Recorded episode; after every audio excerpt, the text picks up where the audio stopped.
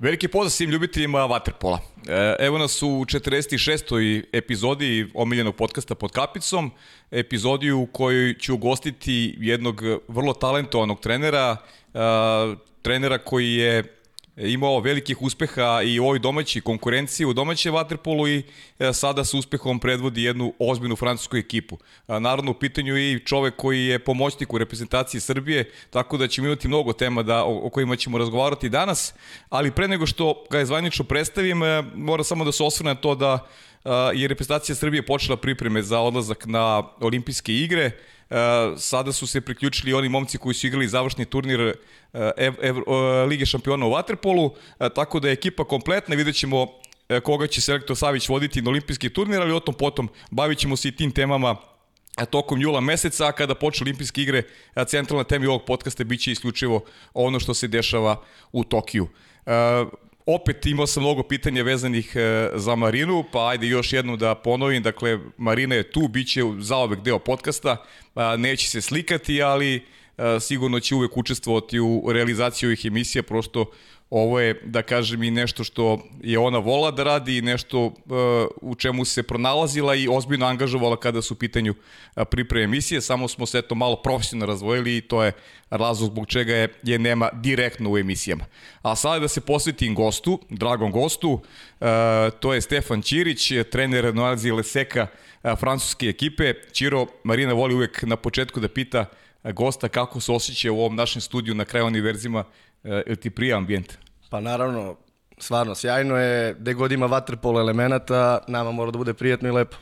Slažem se potpuno, potpuno smo se onako uklopili u taj, u taj ambijent i verujem da ćete i vi, dragi gledalci, uživati u narena dva sata. Čiru, ja bih krenuo sa francuskom i, i e, klubskim aktualnostima. E, poraz od Maseo u finalu, da li je moglo više? Znam da ste igrali dve neizvesne utakmice, da li si ti zadovoljan, da li je klub zadovoljan? Pa, lepo si to rekao, neizvesno finale za francusku ligu, verovatno i za sve ljubitelje tamo vaterpola, možda i neočekivano. Ja sam lično naravno zadovoljan, e, zadovoljni su u klubu, nikad ranije nisu se plasirali ni među četiri, plus kad je došlo finale, veruj mi, tu je bilo i suza, to su ljudi koji su od osnivanja kluba tu i svi su bili srećni i nekako su od nas tražili da probamo da namučimo Marsej koji je evroligaška ekipa. U tome smo i uspeli, prva utakmica 16-16, e, imali smo i svoju šansu u drugoj utakmici, ali neko je Marsej stvarno pokazao kvalitet. Bilo je tu nekih par prelomnih momenta, na 7-7 smo imali igrača više, promašili otvoren šut i primili stvarno dva gola u posljednj, u tre, na kraju treće četvrtine igrač više u posljednjoj sekundi i posljednji napad u trećoj smo primili gol, tako da tu se Marse odvojio i zasluženo svoju titulu, ipak su imali, nisu imali nijedan poraz u toku prvenstva, tako da što je meni lično tiče, ja sam zadovoljan i u klubu. Uh -huh. e, kaži mi, igrali ste i kuplen ove godine i to je ona utakmica sa Crvenom zvezdom koja je bila odlučujuća za prolaz dalje, ako se ne varem, jedan gol je, jedan gol je odlučio u korist Crvene zvezde. Jeste, to je možda jedina, da kažem, crna tačka, ne što smo izgubili od zvezde, da. nego jednostavno očekivao sam negde prolaz i nama je i nerešen, nerešen rezultat igra, ali eto, igrali smo veče pred sa OSC-om, uh, jurili smo da izgubimo sa manjom razlikom nego Crvena zvezda, da bi nam igrali nerešen i možda smo se tu malo i potrošili više i Zvezda je zasluženo prošla dalje, šteta, ali mislim da nas je taj poraz malo i otreznio, da smo imali jako dobar start u prvenstvu i ponovo došlo do toga da, da završimo prvenstvo kako treba. Uh -huh. Ajde malo mi priče o organizaciji kluba, igračkom kadru, znam da si imao i, i igrače e, iz Srbije, Stefane Živinovića, Golmana, Viktor Rašović je bio tu. E, znam da imaš još nekoliko igrača svojih prostora.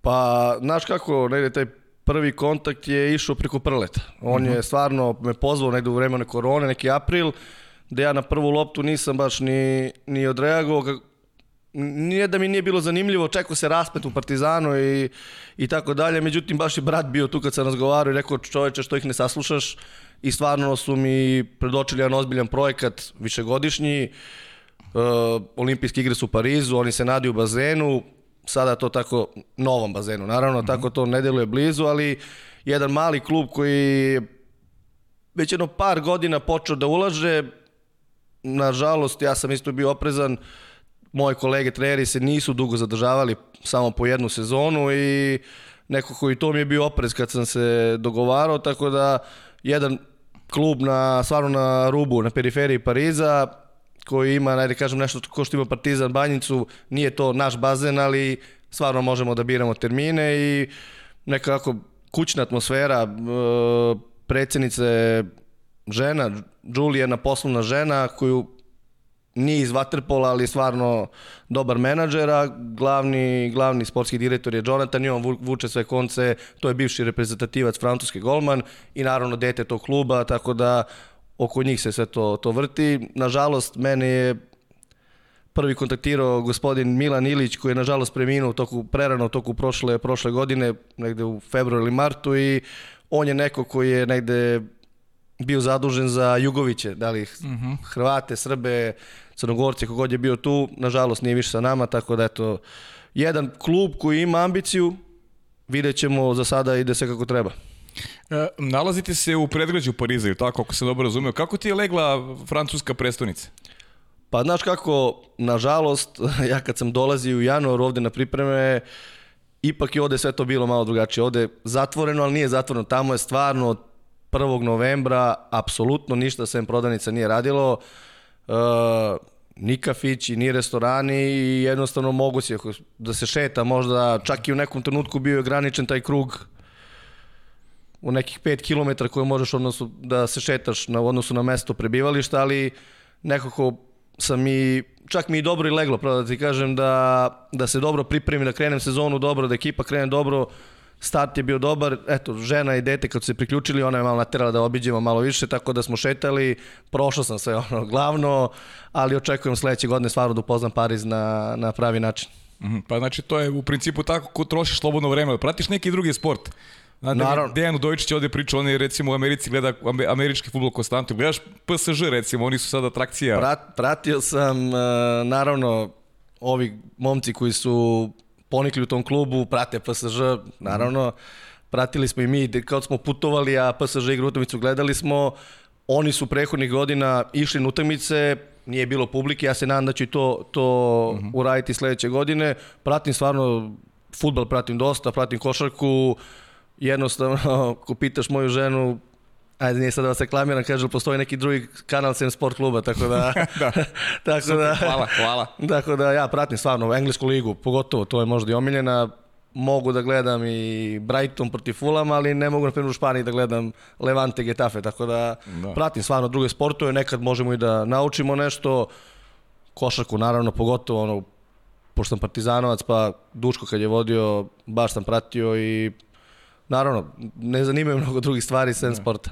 E, znaš što mi je interesantno, je sad, sad se nadovezuju na novu temu, što su mi mnogi treneri rekli da crpe iz nekih drugih sportova iskustva vezano za, za taktiku, za primjenu taktike. E, koji je tebi sport onako a, pomaže ti da, da možda neke stvari e, e, implementiraš u, u, u waterpolo, u ono što je taktika, neka, neka ideja, kako god? Pa znaš kako, ja sam to naučio od starih trenera. Uh, Dejan je kao igrač mlad se družio sa džudistima. Išli su na treninge zbog tih zahvata, na, da iskoriste to na igri, pogotovo back center, to je bilo dobro, stavro prednost, a onda sam kao mladi trener čuo, odnosno saznao da je Dejan Udovičić dosta pratio košarku, pogotovo te neke, to prvo u Waterpolu nije bilo, 6-0 se postavi zona, na primjer ta protrčavanja sa jednog kraja na drugi košarkaškog terena, pa su krenuli u Waterpolu ta proplivavanja sa krila na krilo, što to ranije nije bilo, tako da jedan put sam čak za, zamolio profesora Koprivicu, pa sam prisustvo treningu Partizanu u Košarci, Trinkier je bio trener. I eto onako jedan mnogo dinamičniji sport i brži, onako sve se brzo odvija, mi to možda na, na TV-u i ne vidimo dobro, ali pokušam neke stvari koji su tada oni igrali 2 na 2, 3 na 3 na tom treningu da probam da, da primenim i u vaterpolu, tako da eto košarka pre ili tako neki borilački sportu i zbog tih zahvata nego, nego recimo futbal. Eto. Mm -hmm, interesantno. A kaži mi, kada bi, mo, kada bi onako sad tražili od tebe mi iz studija na kraju univerzuma da nam pošalješ neku razglednicu iz Pariza, šta bi nam naveo ovako kao neke glavne znamenitosti? Šta je ono što te što ti osvojilo srce kada govorimo o, o, o, o Parizu? Pa znaš kako, ja sam stvarno obišao, nigde nije moglo da se uđe, ali nema tu, to je, to je klasika, stvarno Eiffelov toran, triumfalna kapija, uh, Notre Dame, uh, tako da Montmartre, sve to sam prošao, prošetao, nažalost, Louvre, uh -huh. došao do ispred uh, muzeja, ali nažalost nije moglo da se, da se uđe, tako da stvarno verujem da, će, da ću sledeće sezone imati priliku da stvarno upoznam pravi Pariz i što se tiče restorana, kafića i tih nekih znamenitosti, ima lepih parkova, moja supruga voli prirodu, pa sam i to morao da, da se prošetam lepo, da uživali, eto, tako da nije, znaš, nije, nije ni bilo loše, ali kažem ti, sve je zatvoreno i da. nije, apsolutno, to se poštovalo rigorozno, nije ovde, ja kažem, dolazio sam u decembru, januaru, ja s maskom, oni kao, ne treba kao, rekao, dobro, tako da, znaš, kažnjavali su ljude, znam da su kažnjavali ljude koji ne nose masku na ulici, tako da, u ovom našem kraju ne toliko, malo je to, kažem, obod Pariza, ali u centru svakako. Uh -huh. e, kaži mi, Pariz je uvijek bio onako, što se kaže, prepun ljudi svojih prostora ili si stigo da upoznaš neke ljude e, koji su sportisti, a iz nekih drugih su, ovaj, su oblasti, da li, da li se družite, da li, da li o, kapiram da ne možete posjećati utakmice jednih drugih s obzirom da je sve bilo zatvoreno, ali imali druženje? Uh, nažalost, ne sa sportistima, ali mogu da ti kažem da taj kraj u kome smo mi nalazimo prepoznatljiv po tome što ima dosta Srba. Znači, na 100 metara od bazena je uh, jedna dobra, brza hrana, zove se Caričin grad, uh mhm. -huh. ono, klasik, momci su iz Lebana, ono, gurmanske, punjene, imaju svoj restoran koji nije radio, koji isto blizu i u našem klubu tradicionalno igra dosta dečaka iz Srbije, tamo naših ljudi koji žive iz decenijama tamo, tako da za taj baš kraj se vezuje za Srbe i Arape, naravno. Tako mm. da, da ima, ali sa sportistima nismo na početku, pre nego što ja došao, ja više sad i ne znam ime tog rukometnog kluba koji ima visoke ambicije, ali nije startovao dobro. Tu ima naših igrača, ali ja nažalost nisam tad, tad bio tu jer zbog ove korone, problema sa vizama, nisam mogao da dođem na početak priprema, tako da, ali mogu da kažem da je srpski kraj, uh -huh. gde se nalazi naš bazen.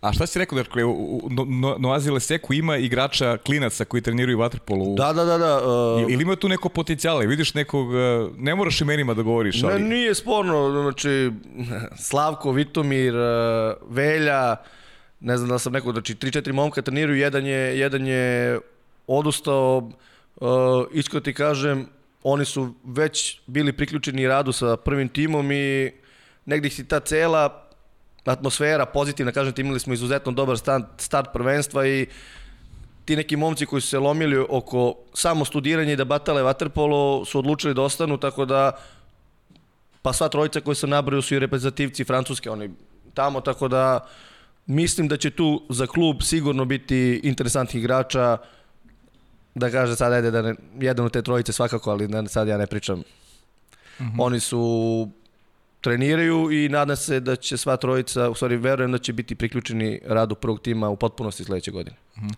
Ja, kaži mi kako gledaš za, evo, bi Aleksandar Milošević, naša draga saradnica, e, kaže za pitanje za sve koji nisu upoznati, može nam približiti kako izgledaju klubovi u Francuskoj, počevši od toga koji ih finansira, uslova, a, broja termina.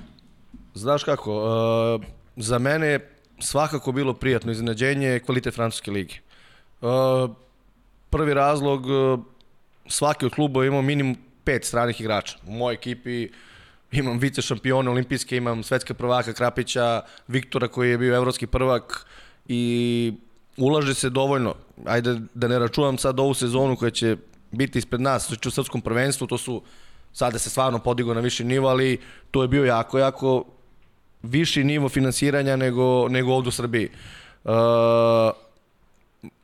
znaš kako, uh, klubovi u ovoj četvorogodišnjem ciklusu, olimpijskom, pošto u Parizu, u Parizu olimpijada, uh, dosta imaju pomoći države i regiona. Uh, oni će ti reći, neki stari francuski igrači, da su promašili vreme kad su igrali vaterpolo, sada su Francu, ugovori francuskih igrača da kažem, na nivou evropskih. Tako da, e, lično naš klub se finansira od sponzora, pulijan sponzora, opština pomaže ne toliko i koriste sve te moguće beneficije koje država daje, dalje to manje plaćanje poreza na ugovore, e, država dotira ugovore da doplaćuje klubu, olakšava, tako da jedan stvarno za mene visok nivo vaterpola nisam zamišljao da će biti takav.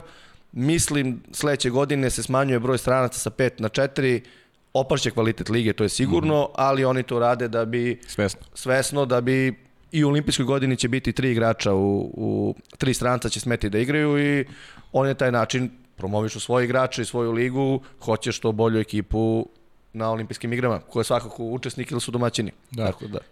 Uh, uticaj, uticaj ljudi svojih prostora očigledno ogroman. Uh, Tino Azilesek, Šćepa koji trenira Marseille, dakle dva kluba koji su igrali finale, da ne pričamo o velikom broju igrača koji su prisutni svojih prostora po klubovima, da li je to neka njihova orijentacija, da su prepoznali da mogu svoj uh, vaterpolo da jačaju uz, uz, pomoć, uz pomoć, da kažem, naših ljudi, dakle svojih naših prostora, da ne pričam o onom ranijem periodu kada je uh, Nikola Stamenić uh, takođe sve vremeno predvodio Marseille. Pa kad si spomenuo Nikolu, ja nažalost nisam imao priliku da sarađujem sa njim, ono se bar i da gledam njegove treninge, ali Šćepa će u šali da kaže oni ti dan danas pričaju o Nikoli samo, tako da on je tamo stvarno bog. Uh, gde su oni promenili malo uh, razmišljanje, da kažem. Uvek je bilo igrača svojih prostora, ali nikako nisu teli da ulože u trenere, u struku, jer su mislili vjerojatno da to nije bitno. Prepostavljam, ne znam koji je razlog bio, kako vreme odmiče, vjerojatno mislim da su mislili da to nije bitno ali evo sada mojim dolaskom Šćepa je tu, bio je Hrvoj Kundid, eh, trener Ramsa, tako da uh, shvatili su da ova škola donosi rezultate, mislim to pokazuju rezultati reprezentacija Srbije, Hrvatske, Crne Gore i verujem da su shvatili da stvarno mora da se uloži u struku pored igrača. Verujem mi to je polovina igrača koju sam ja ovde gledao, analizirao kroz Jadansku ligu. Znači, što iz Primorca, što iz Splita, znaš, tako da sigurno su donali kvalitet i pomogli francuskim igračima da budu bolji. Da. Znači, treneri iz svojih prostora implementiraju taj sistem jugoslovenske čuvene škole. E sad, koliko su oni kao nacija talentovani, talentovani za vaterpolo? Da li brzo uče? Kako napreduju? Kako ih vidiš u nekoj, u nekoj bližoj budućnosti? Pa, iskri... Da li mogu da budu pretnje? Uh, znaš kako, oni, oni bi vjerojatno rekli da ne, skoro, ali ja oni su talentovani jako i, znaš, oni imaju neke trenažne centre u kojima mi možemo trenutno samo da sanjamo. Taj neki insep blizu Pariza, to je 5-6 bazena, to je... oni rade trening, kamera snima, kasni sve 20-30 sekundi, kad se završi situacija, oni gledaju na, na, na velikom video bimu, znaš, to, to neće skoro doći kod nas. E, ne, mislim, ne znam šta ti kažem, verujem, verujem da će promeniti, promeniti mišljenje, da će ovu struku, da će još ljudi postati treneri tamo i da ja verujem, oni imaju par talentovnih jako momaka, stvarno, ovaj Vernu je Vernu, je, da. jedan od najtalentovnijih igrača mladih u Francuskoj. Ja im, u mojoj ekipi se pojavio jedan mali Denis 2002. godište koji nije bio u planu ni za naš klub na početku prošle sezone, a sada je sa reprezentacijom na pripremama Ima tu mladih talentovnih igrača, mislim da im je problem pozicija centra, da tu teško će se pojaviti u, skorije vreme neko, neki novi igrač, a ovo ostalo mislim da, da će do Pariza da Marzuki, Ugo Kruzija koji je u Marseju koji ima fantastičnu sezonu i tu nekih par igrača, ti mladi stasati, mislim da ih pozicija golmana i pozicija centra biti kritična za njih u nekom narednom periodu. Eto. Bodegaz da se vrati, recimo, to je mogo da im bude rešenje. pa priča se o tome, ali nisam siguran koliko je to realno. Ne znam ni ja, ali vidjet ćemo oni razmišljaju o tome, ali nije to perspektiva, to je do olimpijade, a posle toga treba da ostane još nešto.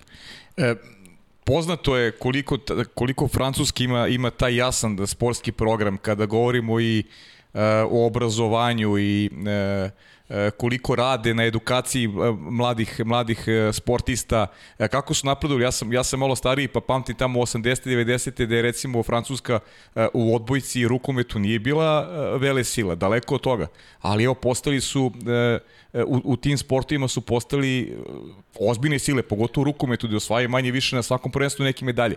Da li postoji takvo interesovanje za vaterpolo? Da li oni prepoznaju da, da mogu u tom sportu da naprave neki iskorak u odnosu na ono što, što su trenutno?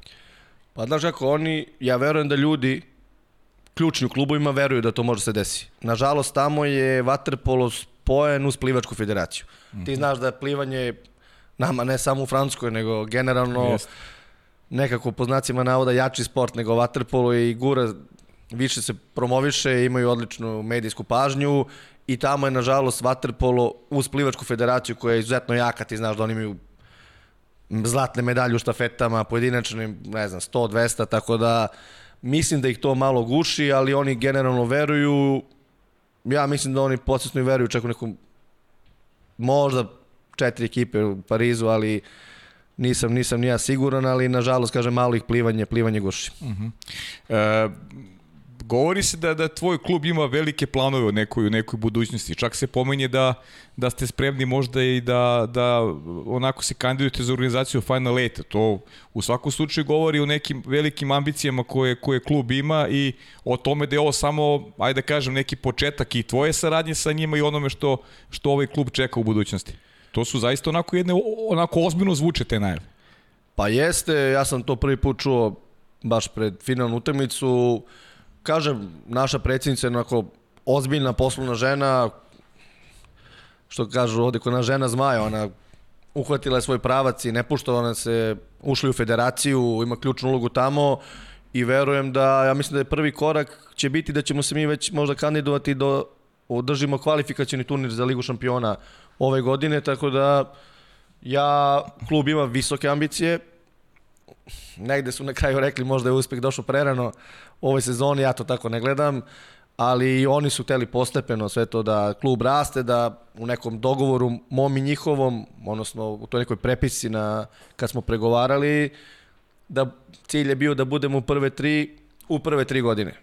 To se ostvarilo već u prvoj godini, tako da očigledno da imaju jasan finansijski plan, što je mhm. bitno. Mm. Nadaju se bazenu, bilo je stvarno malte nedogovoreno da blizu našeg sadašnjeg bazena se napravi olimpijski uh, kompleks gde će se da li igrati olimpijske igre ili trenirati, nije, nije bitno, ali znaš kako to ide, politika je kao što je ovde promenila se vlast u julu, e više nije to zanimljivo, ali je neka ideja u Saint-Deniju koji je jako blizu našeg, našeg, uh, našeg kraja da, da se napravi bazen i da Noisy Lesek pređe da trenira tu, da će po tim imenom ili drugim, ali i to ti je negde jasna, jasna poruka da oni traže put da budu domaćini završkog turnira Lige šampiona.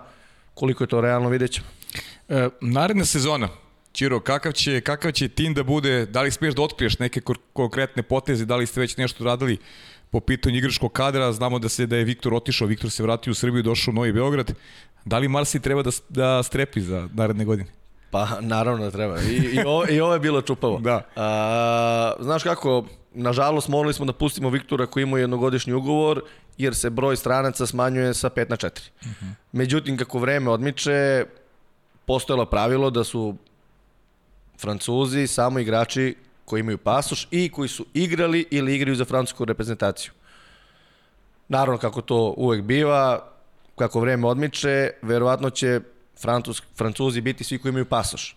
Tako da mi imamo jednog momka sjajnog danac, da ne veruješ vaterpolo, kad su mi rekli stranac, a danac, ja sam rekao, pa da li je moguće da smo potrošili Pazi, mesto? prvi put da, čujem da, ovo. Da, da li je moguće, Emil Bjork, sjajan momak, dvometraš pliva, odigrao odlično finalnu seriju. Sjaj.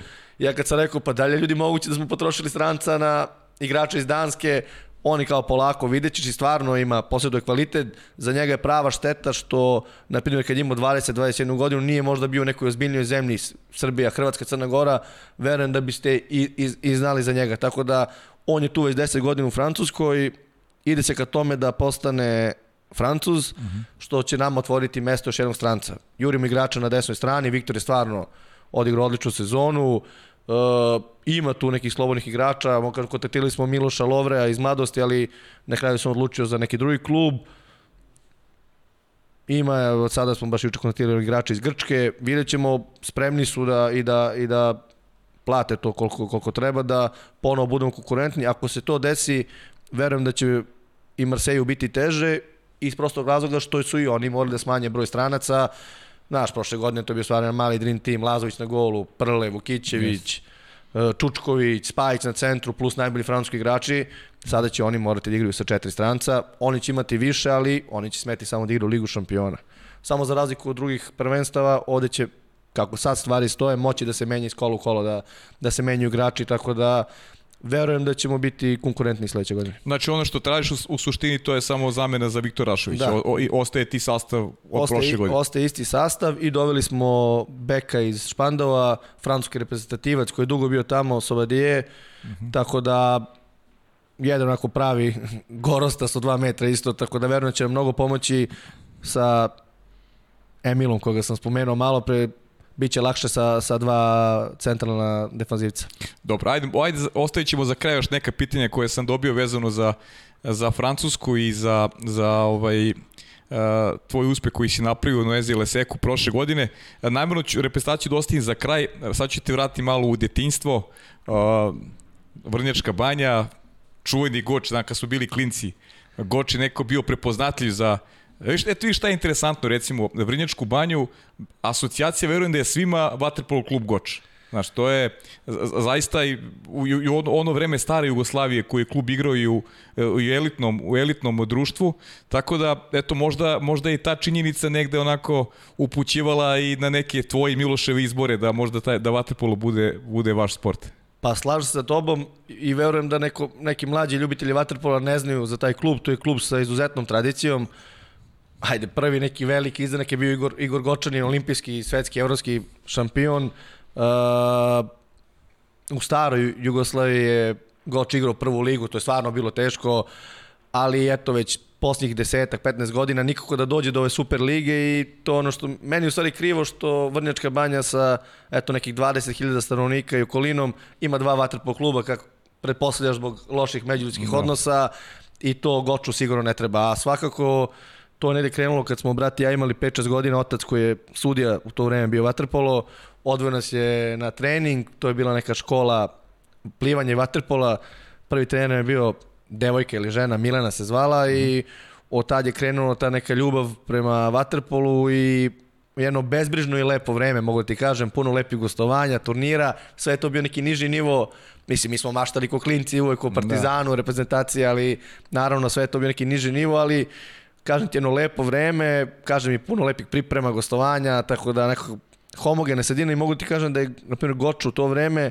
imao i ozbiljnu žensku ekipu, što i sad teško, sigurno je bilo 20 30 devojčica koje su trenirale, tako da uvek je bilo sa tradicijom, ja sam iskreno verovao da će se stvari promeniti sa bazenom čuvenim, Da, koji se na kraju, priča, koji se da. na kraju ne da nije zatvoren i napravljen, nego ni letnji ne funkcioniše kao otvoren, tako da jer sa zatvorenim bazenom sigurno da bi broj dece bio veći, jer znaš, ko roditelj, ako tvoje dete svaki dan mora da putuje ili u Kruševac da trenira, to je 60 km u jednom, u drugom, u drugom pravcu, sve je to malo maltretiranje, ali verujem ja da će Goč prvo da se ova dva kluba u jednom trenutku ponovo ujedine, a drugo da sad je Igor Gočin je dole glavni, Znam, be, glavni trener Igor Goči ima spremnu emisiju, nego niko da se ovaj Da da, niko dođe. da se uskladimo dolazi sigurno, tako samo da Tako. izaberemo pravi trenutak. Odlično, tako da stvarno ponavljam još jednom klub sa tradicijom i nadam se boljim danima da će u neko dogledno vreme igrati neku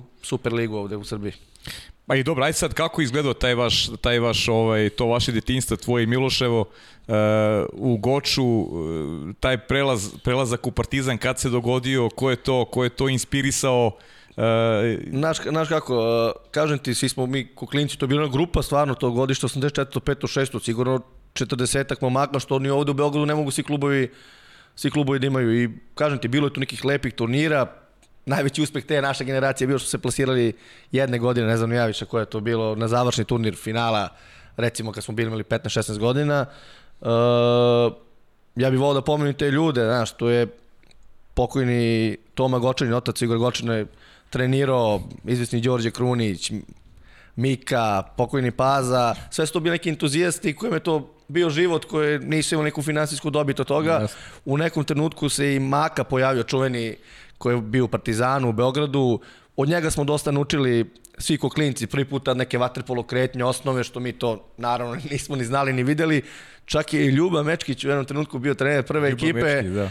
koji je pa možda dve godine pre toga bio prvak u Italiji. To sam zapatio, rekao im je, sine, svako ima svoju cenu, ja imam svoju cenu, dalje Goč, dalje italijanski prvak, sve jedno je, tako da i on je, i on je, da, Ljuba, mislim, ne znam koliko znaš, on je uvijek bio ne, direktan. ne, ne, ne, znam, ne znam čoveka, ali, ali ga se sećam, jako dobro kad je bio trener duhovit, Partizana. Da, da, duhovit, onako uvek direktan u razgovoru, tako da to je negde smo zavolili vaterpolo, mi smo se prebacili u Beogradu u sportsku gimnaziju, roditelji su se razvojili, majka je prešla da radi u Beogradi, posle ostali smo u banji sedmi osmi razred i onda smo se prebacili u sportsku gimnaziju i ta neka konekcija dosta je Partizan sarađivao sa, sa Gočom iz Vrnjačke banje i Nena, njegov brat su bili tu, braća Marković, koji ovi stari znaju, mm -hmm. i neko smo pitali, mi smo tamo trenirali, stvarno, već je to stvarno bilo kasno, mi smo tu vidjeli u Nebojša Novoselac je iz Vrnjačke banje, mm -hmm. pa i on tu malo pomogao, ali došli smo kasno, već su ti momci, se znala se selekcija, već je ta piramida malo suzila,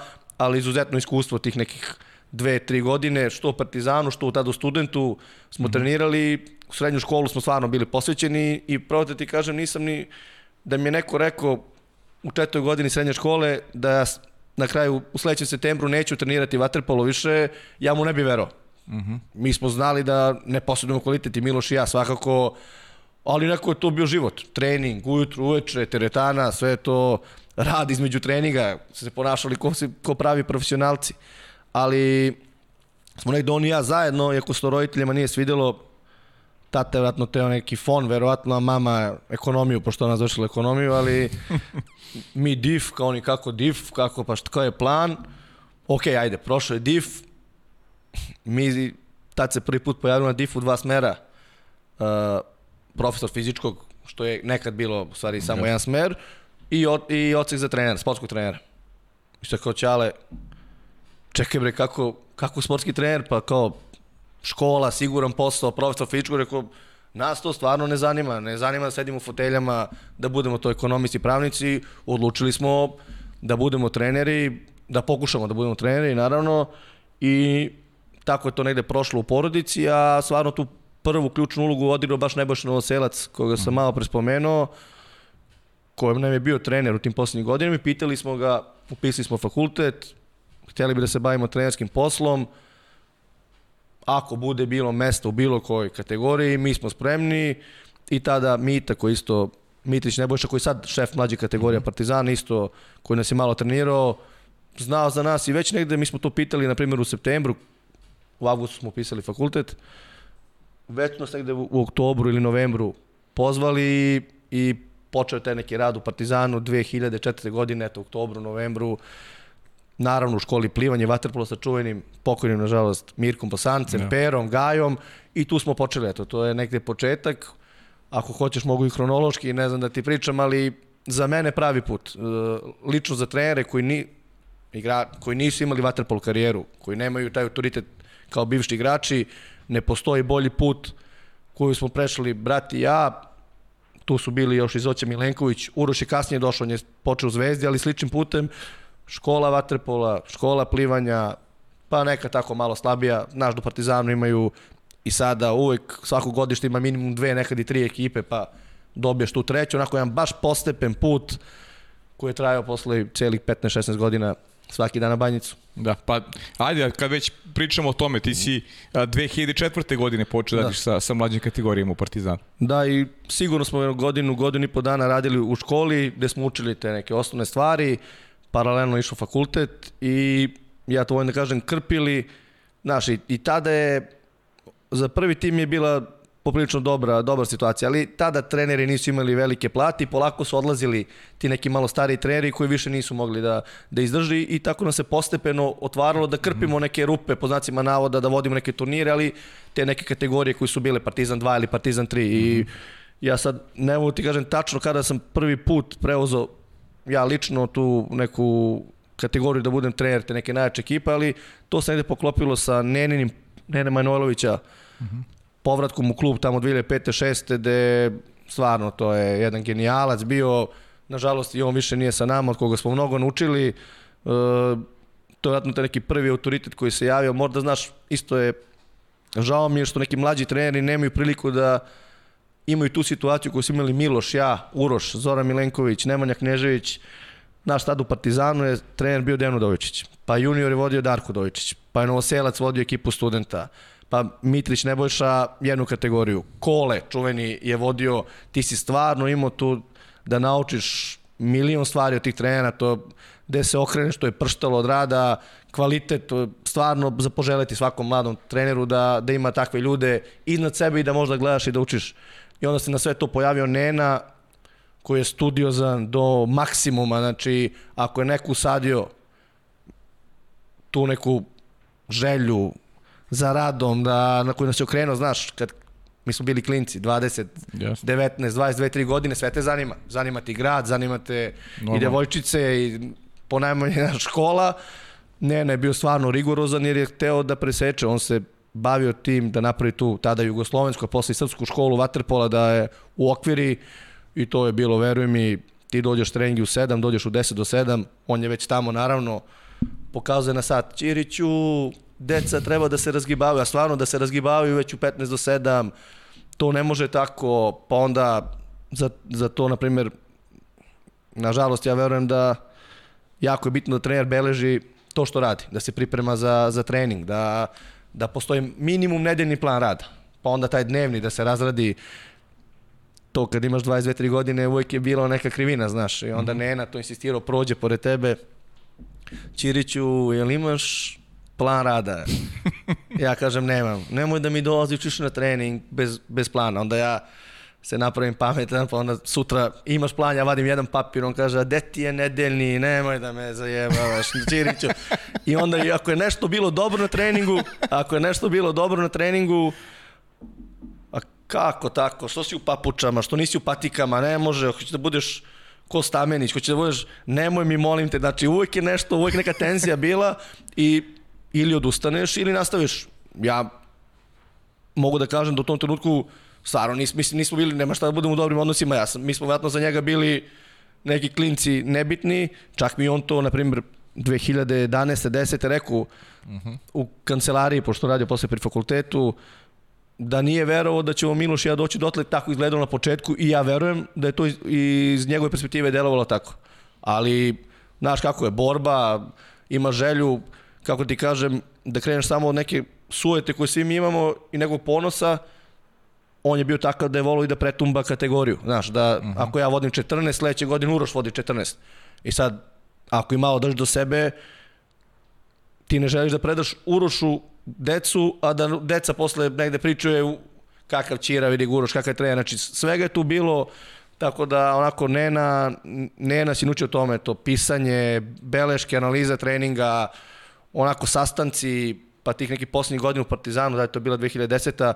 Imali smo sredom, sećam se, da zadatak, uh, Stefane, da mi izražeš sve golove, kažem, da isečeš, ajde da kažemo, doneseš snimke, golove sa 2 metra na, u Rimu na svetskom prvenstvu 2009. I onda se skupe svi treneri, pustimo snimke, analiziramo. On nije ni krio, on je zajedno sa nama komentarisao, nije on bio kao tako i, i Znači, mora uvek, uvek je volao, pa što me ne pitate nešto, pitanja, spremite pitanja, tako da sigurno jedan od najzaslužnijih u tom nekom periodu, ti 4-5 godine kad je bilo kritično, znaš, da će tići na drugu stranu, on je bio tu, tako da jedan veliki uticaj sigurno na meni, brate, imao, imao Nena, ogroman, u stvari da kažem, i dan dana čuvam neke te beleške papire koje nam je davao ideje, znaš, ja ne znam da li ima u drugim klubovima, tada još, znači 2006. 7. Nena dođe da okvire rada za svaku kategoriju. Znači, tačne elemente koje svaka grupa treba da savlada da bi prešla u sledeću kategoriju.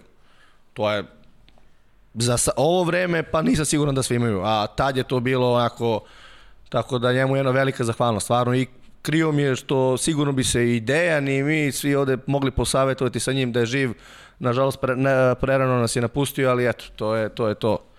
Tako da, tako se vrtelo, krenule su neke te kategorije 12, 14, sad koliko je tu bilo osvodnih prvenstva, titula, ja ni ne znam, ali nekako od tamo 10. 11. sve to kreće mnogo, mnogo, mnogo zbiljnije, tako da to ti je što se tiče tog početka, mora da naborim posle, uključio se Igor Milanović, pa posle meni Deki, koji sigurno će biti prostora da napomenem i to, ali obavisno, obavisno. imao sam eto, priliku da stvarno sarađujem sa njima i mnogo smo naučili, to je to. Hvala ti puno na ovoj, na ovoj ovako na nekom, nekom i podsjetniku koji možda bude onako i, i za te neke mlade trenere koji uče onako da im bude e, lepa spoznaja koliko treba odricanja, a i ono što je Nena Manojlović očigledno svesno radio, e, negde vam je jačao i karakter kroz, kroz, Apsolut. kroz te priče. E, Patike uvek je nalazio nešto što bi te onako teralo da neko dodatno razmišljeni, prosto, prosto se tako i pravi selekcija. Naravno Realno. i trenera i on je se i bavio tim, ima dosta nekih radova. Nažalost, on je malo, baš pred, pred smrt, pravio i knjigu koja je teo da okviri cijelo to svoje, da kažem, trenersko iskustvo, insistirao na toj trenerskoj školi, on je teo da postoji jasna, tada je, kažem, jugoslovenska, posle srpska trenerska škola, da se zna koji su okviri rada i kažem ti hvala još jednom, ono što si u pravu, Naravno da sam ja tek posle sa 26, 7, 8 godina shvatio da je čovjek apsolutno bio u pravu za sve. Samo si ti klinac sad pa ne prihvataš neke stvari. Naravno, da. Iz, njegovih, iz njegove perspektive on je bio u pravu ili hoćeš da budeš ili nećeš, a to traži odricanje. Tako je. E, ajde da, da razbijemo ovu priču sa, sa prvim video pitanjem. Pozdrav svima u studiju. Imam jedno pitanje za vaše goste. Pošto svi znamo da je e, veliki ljubitelj e, like dijela Diego Armanda Maradona, da nam kaže šta je to što povezuje e, Vrnjačku banju i Argentinu i odakle tolika ljubav. Pozdrav. Pozdrav svima u studiju. Pa dobro, e, nije, to je neko krenulo više šale s kumovima, e, neko ta banja uvijek imala neko bila, nije underground, ali neko bila drugačija od svih, uvijek imala, meni sad i pričaju neki stari ljudi, prvi šaneri su bili u banji, prvi neki mangupi, uvijek neki mangupluk, pa nam neko uvijek Maradona bio draži, draži nego, nego, nego Pele, ali eto, neko su poslije napravili neki kao baner, pa smo ga nosili nekim našim druženjima, njegov lik stoji na bombonjeri sa, sa tompusom i onim lancima, tako da eto, nekako mi ba- banjčani, pogotovo moje okruženje, u stvari vrnčani, izvini, ovaj, okruženje, volimo, volimo Maradonu, eto, to je to. Čak i na svadbi se pojavio na truku taj baner, ali to je to. Hvala Ukratko. Nikoli Tomašiću da, na, na uključenju. A sad ću ti vratim na Partizan da mi Izvini, kažeš... Nisam ni očekivao njega na neko vaterpolo pitanje, tako da. A, dobro. To je Nikola. Ja mislim da ni on sam nije očekivao. Jokić, Jokić, da. Jokić, Nikola Jokić. Nikola. Nikola, da, Tomašić. Da. Da. I to ćemo priču da ispričamo naknadno. Da. Vratit ćemo se mi na Nikolu Jokića i Tomaševića nekom drugom priliku. Banja mi obećao da će ovaj to da, ovaj, da nam priredi. E, Na koju si generaciju najponosniji, ako uopšte možeš ovaj, da istakneš neku generaciju ili da možda izvojiš nekog igrača sa kojim si radio, a da si znao još iz tih nekih njegovih ranih dana da ima potencijal da postane veliki igrač? Pa, znaš kako, sigurno da su titule uvijek bitne, da su priznanja za trenera bitne, ali meni lično, verujem i kolegama mojim, nema većeg priznanja kada neki igrač koga ste trenirali u mlađim kategorijama osvoji medalju sa reprezentacijom. Ali kažem, najizraženiji primjer, nisam ga samo ja trenirao, Nikola Jakšić, trenirao ga i Uroš, i Miloš, i Zoran Milenković, i Mita, ali jer kažem, ovog trenutka, čak mislim da je posto kazanja i negde izjavio, zahvalio se tada kako to rade mladi igrači Da. trenerima, pa je spomenuo, meni je to lično bio trenutak za ponos, tako da verujem da smo svi mi, na primjer, u njegovom slučaju usadili nešto i na kraju Dejan prepoznao i na vreme ga ubacio, vratno kad neko ne bi ni imao ni hrabrosti, da tada jednog 17-godišnjaka povede u Kazan na svetsko prvenstvo, tako da sigurno da je bilo odličnih generacija, na primjer ta generacija 95-6 je bila toliko dominantna da su obe ekipe igrale finala i najčešće bile prvi i drugi. Uh, tu su bili Gogov, Stojanović, uh, mislim, na kraju je dosta ispalo tu igrača koji igraju u inostranstvu, ali ne baš Sem Jakšića, eto, on je bio taj primer koji je postao reprezentativac, ali i generacija 2000, to bio mi izuzetno lep, lep rad, to je bila neka 2012. 13. godina, to se sećam da smo baš radili sad, evo, Smiljević u Zvezdi, Vićković je bio u Zvezdi, Barać je u Partizanu, Nešić u Partizanu, igrao za prvu ekipu. Mislim, stvarno je bilo tih generacija puno, ma i 98, nakon nekog sve je tu uživanju i kombinacija nekog rada i uživanja u Partizanu, bar sam ja to tako doživao Da. jako Partizanovac, tako da sigurno, eto kažem, najbolji primjer je Jakšić, eto, koji je iskočio baš Partizanovo dete i eto, do, već sad osvojio malte ne sve. A, a im- ima, ima li i kontra primjera? Da, da si od nekog igrača očekivao da napravi nešto veliko, a da se to nije dogodilo? Pa, dobro, uvek smo mi u perspektivi, jedan od stvari koje Nena, na primjer, zahtevao su neki lični kartoni. Uh -huh. Da trener, nakon svake sezone, da neko svoje mišljenje o igraču. Znači, analiza igrača po osobi, projekcija njegova u budućnosti. E, sigurno smo svi mi, znaš, imamo tu neku gradaciju talentovan, super talentovan, vrhunski i tako dalje, ali sigurno da smo, pa naravno da smo imali projekciju, ali uglavnom su ti igrači ili bili na nekom širem spisku reprezentacije ili čak igrali za reprezentaciju. Verujem da nije bilo ili igrali bitnu ulogu u ovom prvenstvu našem trenutno sada, to su pričam generacije od 95. do 2000. godišta, tako da sigurno da je bilo primjer da smo očekivali, da smo očekivali više, ali moraš da znaš da ono što ja, samo je ta priča da, pogotovo od roditelja, da, da se guraju deca, da sa strane, da neko, da. da neko gura drugi igrače, prosto kad razmisliš normalno i zdravorazumski, koji trener će da stavi igrača koji mu dobar da ne igra. To prosto ne može da se desi. Real. I ja ti garantujem za o tih 15 godina šest u Partizanu. Nije bilo deteta koga smo mi u nekom trenutku, mislim možda teška reč, otpisali, da je prešao u drugi klub i da napravio karijeru. To se nije desilo. Iako je to roditeljima u tom trenutku teško.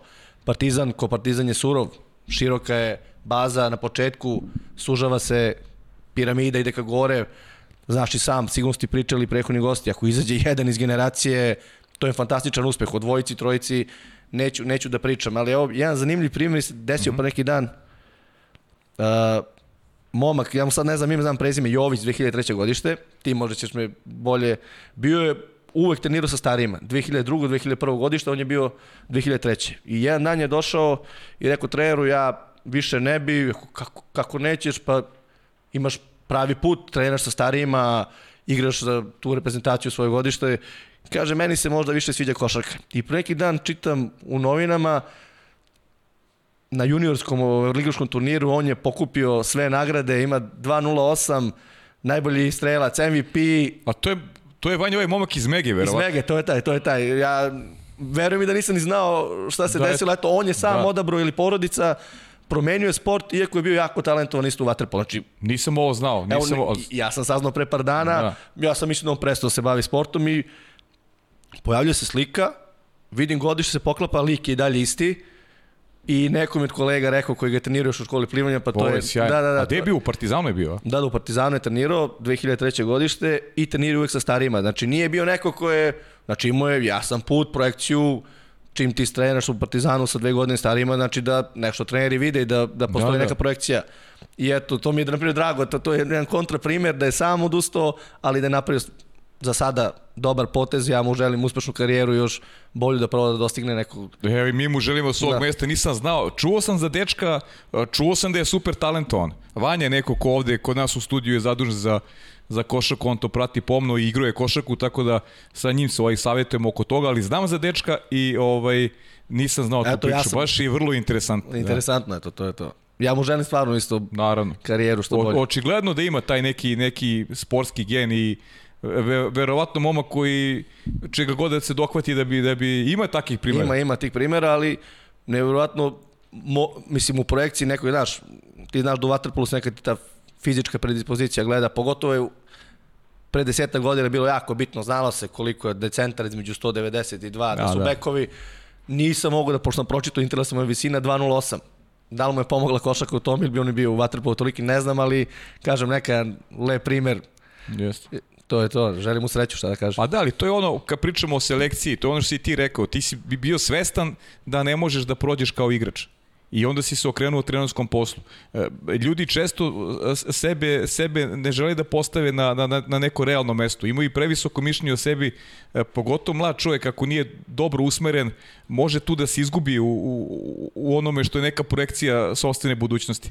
Ti si je imao, ali nemaju svi tu, tu mogućnost da, da, da prepoznaju koje su, im, koje su im realne moći. Jasno, nažalost, ja sam vratno imao hiljade razgovora sa tim dečacima, da im se predstavilo da možda bolje da promene klub, ali u 90% slučajeva nisu bili realni trenutne situacije, verovali su da mogu bolje, što je lepo imati, ali Naravno. ja ne znam odakle nama stvarno ta realnost, ok, ja nisam bio ni blizu, posao valjda bio realan, ali znaš, tako, dešavalo mi se dosta teških razgovora, nažalost, sa, sa, to su deca u najčešće, ali prosto treba biti realan, nekad Znaš, dosta roditelji tu, tu A, naravno. nažalost, guraju priču, daju lažnu nadu, a svi pričaju da žele da samo da im deca treniraju, ali nije to baš, ta, nije to baš tako. Da.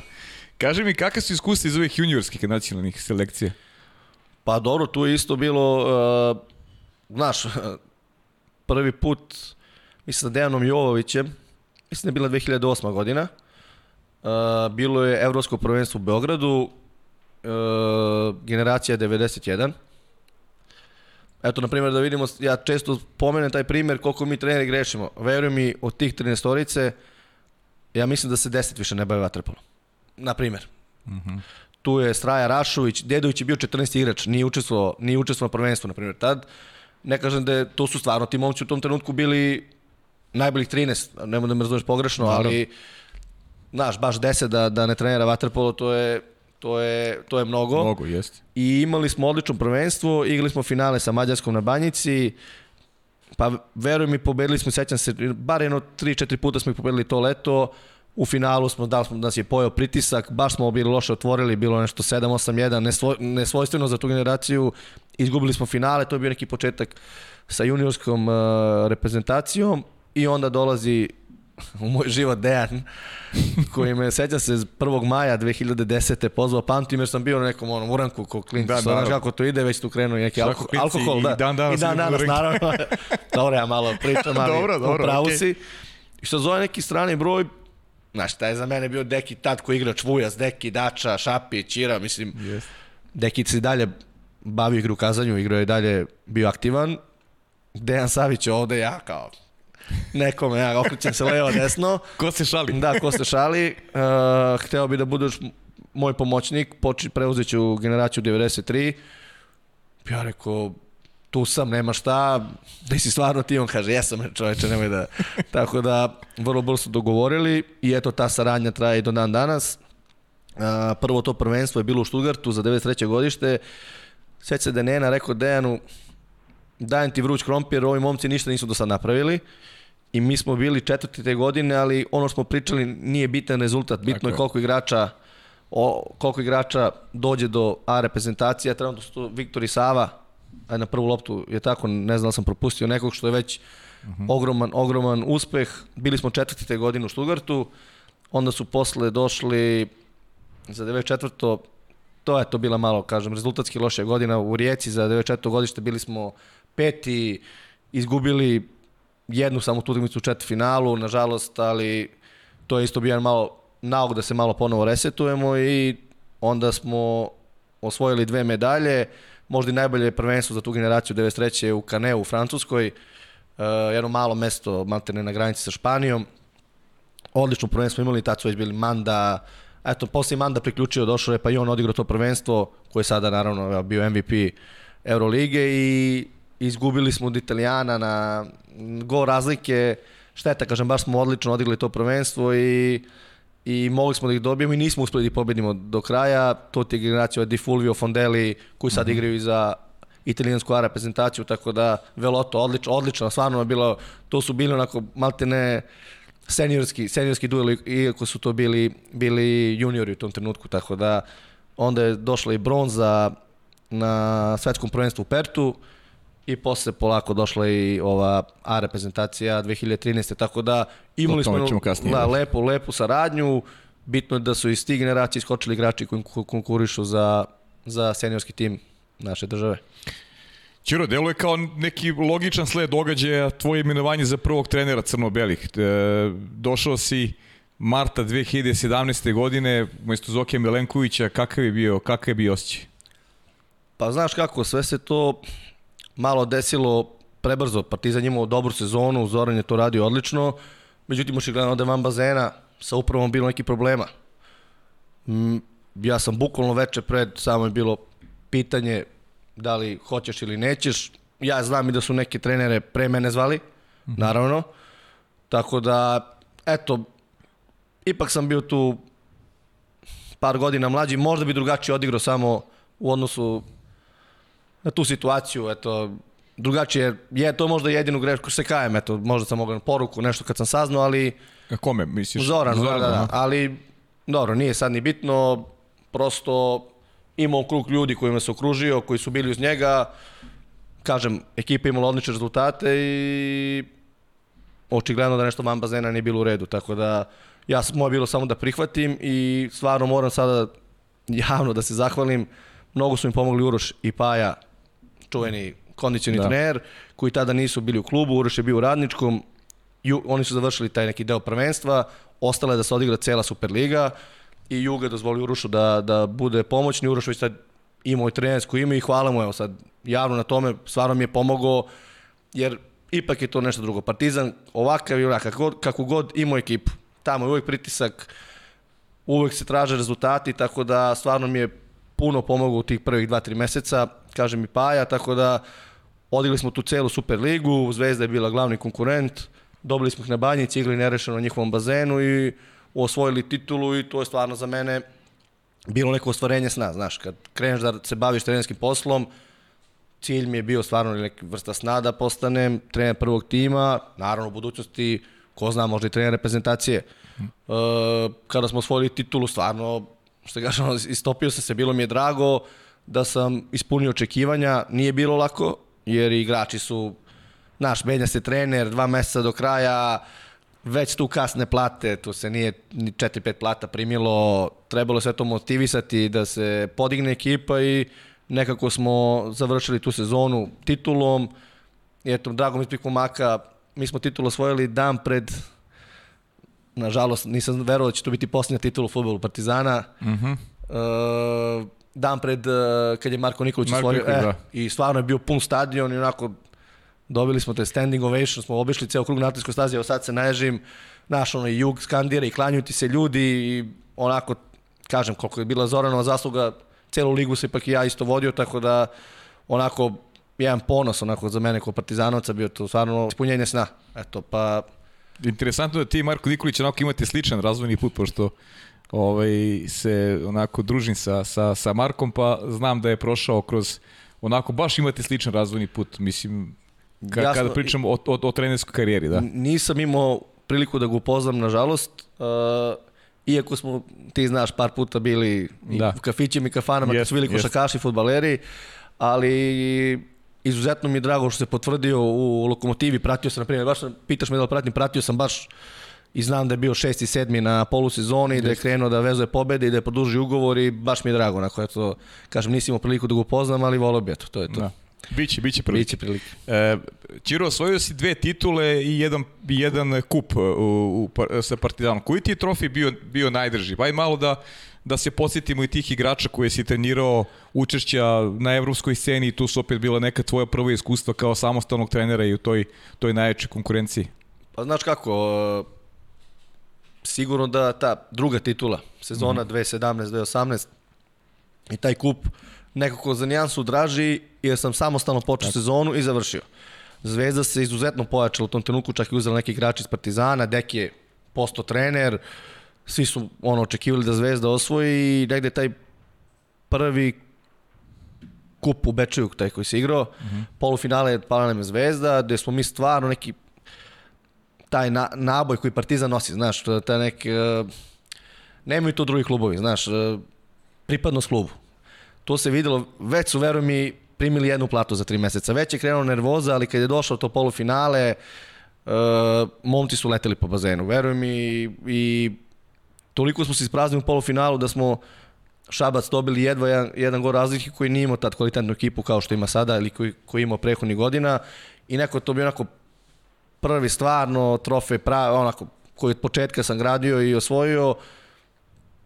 I izuzetno drag trofej i cela ta generacija, dosta tih igrača, one godine kad je Šabac osvojio svoju prvu titulu je igrao za Šabac. I onda mi je bilo krivo i tada i sad kod treneru Partizana, kod nekog, kad znamo da neku našu decu, Đorđe Vučinić, Marko Janković, Repanović, Petar Velkić, e, ja više ne znam koji da je otišao, ali da mi za nekih 400-500 evra nismo mogli da ih zadržimo u Partizanu, da su otišli druge klubove, i osvojili titulu neki narednih godina, pa sada je neki igrač igraju i za radnički, E, tako da, eto, krivo mi je što ta jedna generacija, ja oduzmem prvo tu 16-17 sezonu. To je to bi sad bila, na primjer, ozbiljna ekipa. Jakšu bi teško mogli da zadržimo, ali eto, Da. Drašović, ne znam, Vogi Stojanović, e, bio Dobožanov golman te godine, Đole Lazić, znaš, to, to matene su sad reprezentativci i, i to isto nije koštalo mnogo. I verujem da, da je imalo snage tada da bi Partizan možda napravio nešto više u Evropi. Tako da, u pravu si, igrali smo Euroligu te godine, nažalost nismo osvarali ni jednu pobedu, što se nažalost posle ponovilo i sa Crvenom zvezdom sledeće godine, što niko nije bilo dobro za srpski vaterpolo. Imali smo par dobrih utakmica, Juk kod kuće, Dinamo Moskva kod kuće, Breša kod kuće, ali uvek su neko te pobede ili bodovi iskli, Izmicali, iz, da. a, izmicali i nažalost nismo osvojili njenu pobedu. I na kraju, veruj mi, jako su teške te sezone. Znaš, treba, ajde što nema novca. Mislim, nije ajde, to je katastrofa. Te godine, kad smo osvojili duplu kronu, igrači su primili jednu i po ili dve plate, treneri četiri ili pet. Uh, drugačiji je bio izvor finansiranja, sad da, da ne objašnjam zašto smo mi primili više, ali svejedno niko nije dobio ono što i na sve to hladna je voda. I to ispod svakog, ispod svakog proseka i ti te momke treba da nateraš uh, da treniraju, da osvoje titulu. Ja sam izuzetno zbog toga ponosan na taj rezultat. Čak mi Igor Milanović prišao i rekao na kraju sezone Čiki, ti misliš da te ja sad zezam, ali izuzetno bitna titula zato što su nisu bili uslovi kako trebaju i tu je to bio i Srkin Setivić. Došao mi je Dori Farkaš, Mađar na polusezoni i on je donao nešto novo, tako da bio tu Dimitri Stičević, on je bio kapiten. Da. Tako da onako krenulo je katastrofalno, igli smo nerešeno sa Vojvodinom na početku lige, već je tu bio ono, delovalo da je to kraj. Prve, fali nam bukvalno jednom da se i da bude kraj, jer više nije, nisu momci mogli da nađu motiv. I drugo kolo smo igrali sa Zvezdom na 25. maju. To se sećam da je Zvezda otvorila 3-1 na nekim golovima iz daljine i ne znam, samo se nešto okrenulo, pobedili smo 12-7, uh, isto neka neverovatna energija koja je bila kao i na kupu te godine i vratili smo se ponovo u tu prvenstvenu trku i onda odlučivala utakmica sa Crvenom zvezdom na Banjici, isto naboj, tenzija, veliki je bio ulog, dobili smo čini se 11-8 ili 11-9 i to je malte ne bio, bio kraj, već je tu bila malte titula overena i kažem ti, to su dva trofeja sigurno na koje sam izuzetno ponosan, kažem ti, iz razloga prvo što sam partizanovac od malih nogu, što sam imao taj put 15-godišnji tamo, da bi došao do, da postane trener prvog tima Partizana i za mene stvarno čast jednog takvog giganta da budeš trener prvog tima, odgovornost, čast kako god to može da, ostvarenje sna, kao što sam ti rekao. Da, i onda idemo na tu 2019. godinu, kada si dobio otkaz u finiš u, sezoni kada je Šabac osvojio uh, duplu krunu. Pa ajde, možeš malo danas ovaj, da nam da ispričaš šta si sve valjali za te priče. Verujem da si osjećao naklonost navijača i javnosti. U Partizanu su, su najmanju čudne stvari dešavale u to vreme. Samo jedna mala ispravka, Šabac je osvojio 18-19. 18-19, 19 a? Šabac osvojio, mi smo tad ispali na peterce od Šabca u polufinalu. U polufinalu, da. da. To je, tu, tu se sezona završila kako se završila. Ja kažem svima, jesmo ispali na peterce, ali smo, to sam zapamtio i pre prve polufinalne utakmice koju smo dobili 8-7 i posle prve trenirali u vodi 23-3, ko se bavi vaterpolom zna da to, da to nije normalno i možda ti one gore ne dozvoljava da ekipa koja je uložila, koja ima sve uslove maksimalne, da pobediš na penale, tako da ta sezona se završila, čak me i Šabac kontaktirao na kraju te godine da Mirović je otišao i da pređem u Šabac, davali su i lepe uslove, ali sam neko ostao u Partizanu, jer se tako osjećaju prema tim momcima koji su ostali, koji sam ja inače neku ruku nagovarao da ostanu, da treba da ostanemo u klubu, da održimo neki nivo. Nisam, nisam imao pravo da odem, nisam ni želeo. I kreće ta sezona 19-20, gde se posle kupa, gde smo izgubili od Šapca u polufinalu, bukvalno dan posle kupa u decembru održala ta čuvena sednica da li izborna ili šta je već, skupština, izvini, ne sednica, izborna skupština, gde tada legitimni predsjednik Skupštine gospodin Avramović izašao i rekao nisu stvoreni uslovi da se Skupština or- organizuje iz nekih razloga koje nas ni ne zanimaju. Igrači i mi smo se pokupili, izašli, gde je to navodno meni zamereno da su igrači izašli na moj znak, što je, mislim, meni je drago da su mi verovali, ništa drugo. Za mene je tog trenutka bila završena ta skupština iz prostog razloga, ja mislim da ni nama tamo nije mesto, znaš, ako ima 36 ili 37 delegata, a igrači i treneri čine 14-15, onda znaš koliki je tu pritisak bio tih dana sa svih strana ta žena koja je posle ostala par meseci je upadala na treninge s nekim papirima, potpisivali to je bila jedna katastrofa. Ja ne želim nikom stvarno to, to što smo mi proživjeli igrači i stručni štab tih dana pred kup u decembru i posle kupa, to je stvarno jedna, jedna, jedna katastrofa.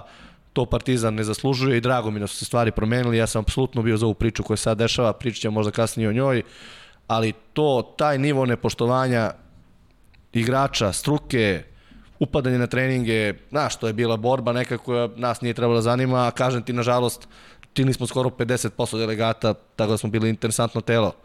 Mm, I da.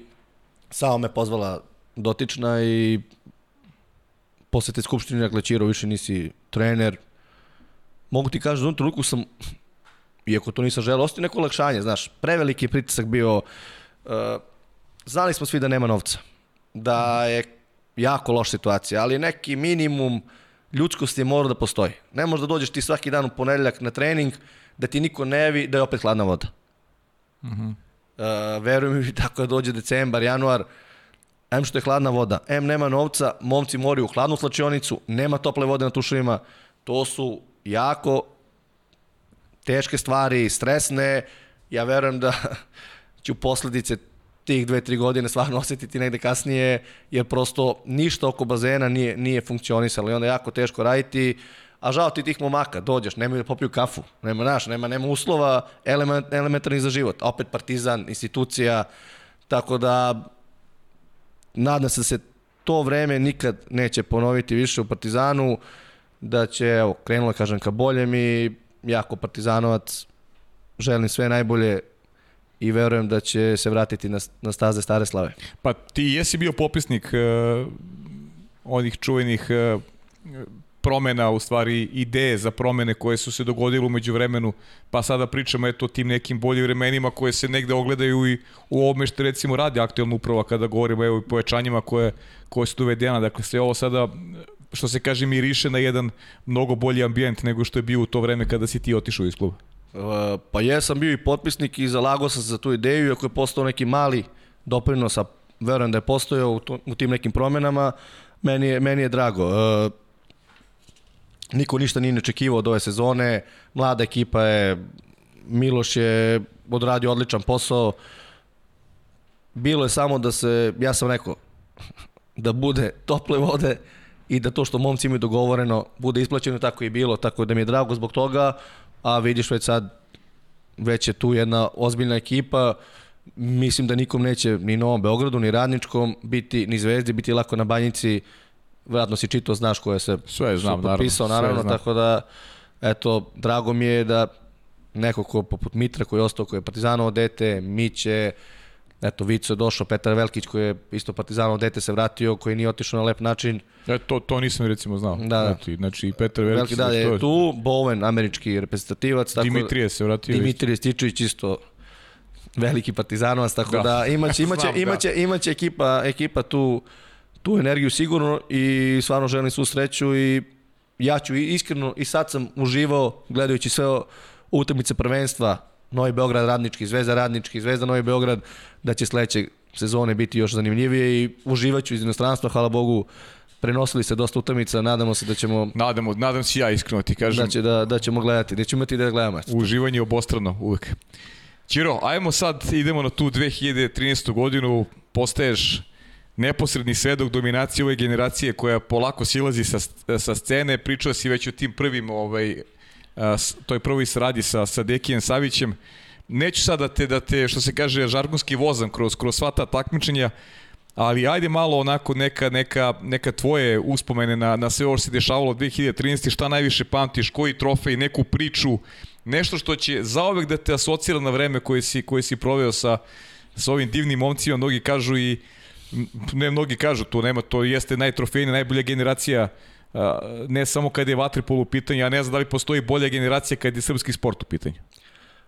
Pa slažem se s tobom, moramo da spomenemo 2013. godinu gde smo onako svi shvatili, igrači, stručni štab, gde smo grešili, veliki je tu bila neka nije ni negativna energija, znaš bi kako je bilo prvenstvo 2013. Partizan, Radnički zvezda, svi uložili, svi su hteli, veći deo reprezentacije bio tu i nekako, eto, izgubili smo Crne Gore u četvrtfinalu, posle dobrog igara u grupi i nekako smo se svi tu malo probudili, osvestili, otreznili, priznali svoje greške i stručni štab i igrači i znaš, nije fraza, stvarno je taj timski duh koji imala ta ekipa, pored kvaliteta, svakako najzaslužniji za ovo što se desilo i ja verujem da ja bih volao da neko nekad ponovi, ali to što se desilo između 2014. i 2016. godine je stvarno jedan nezamisliv, nezamisliv rezultat i uspeh. Uh, ajde, ja ću malo hronološki probati brzo. Završila se ta 13. kako se završila, krenuli smo 14. resetovani, spremni da osvojimo, međutim, daleko od toga da je bilo laka. U Budimpešti, mislim da ti je Miloš Čuk ovde dao najbolji primjer, to kad se, mi smo krenuli, izgubili od Mađarske prvo kolo, sa Hrvatskom nerešeno i ne znam koje kolo dolaze Španci.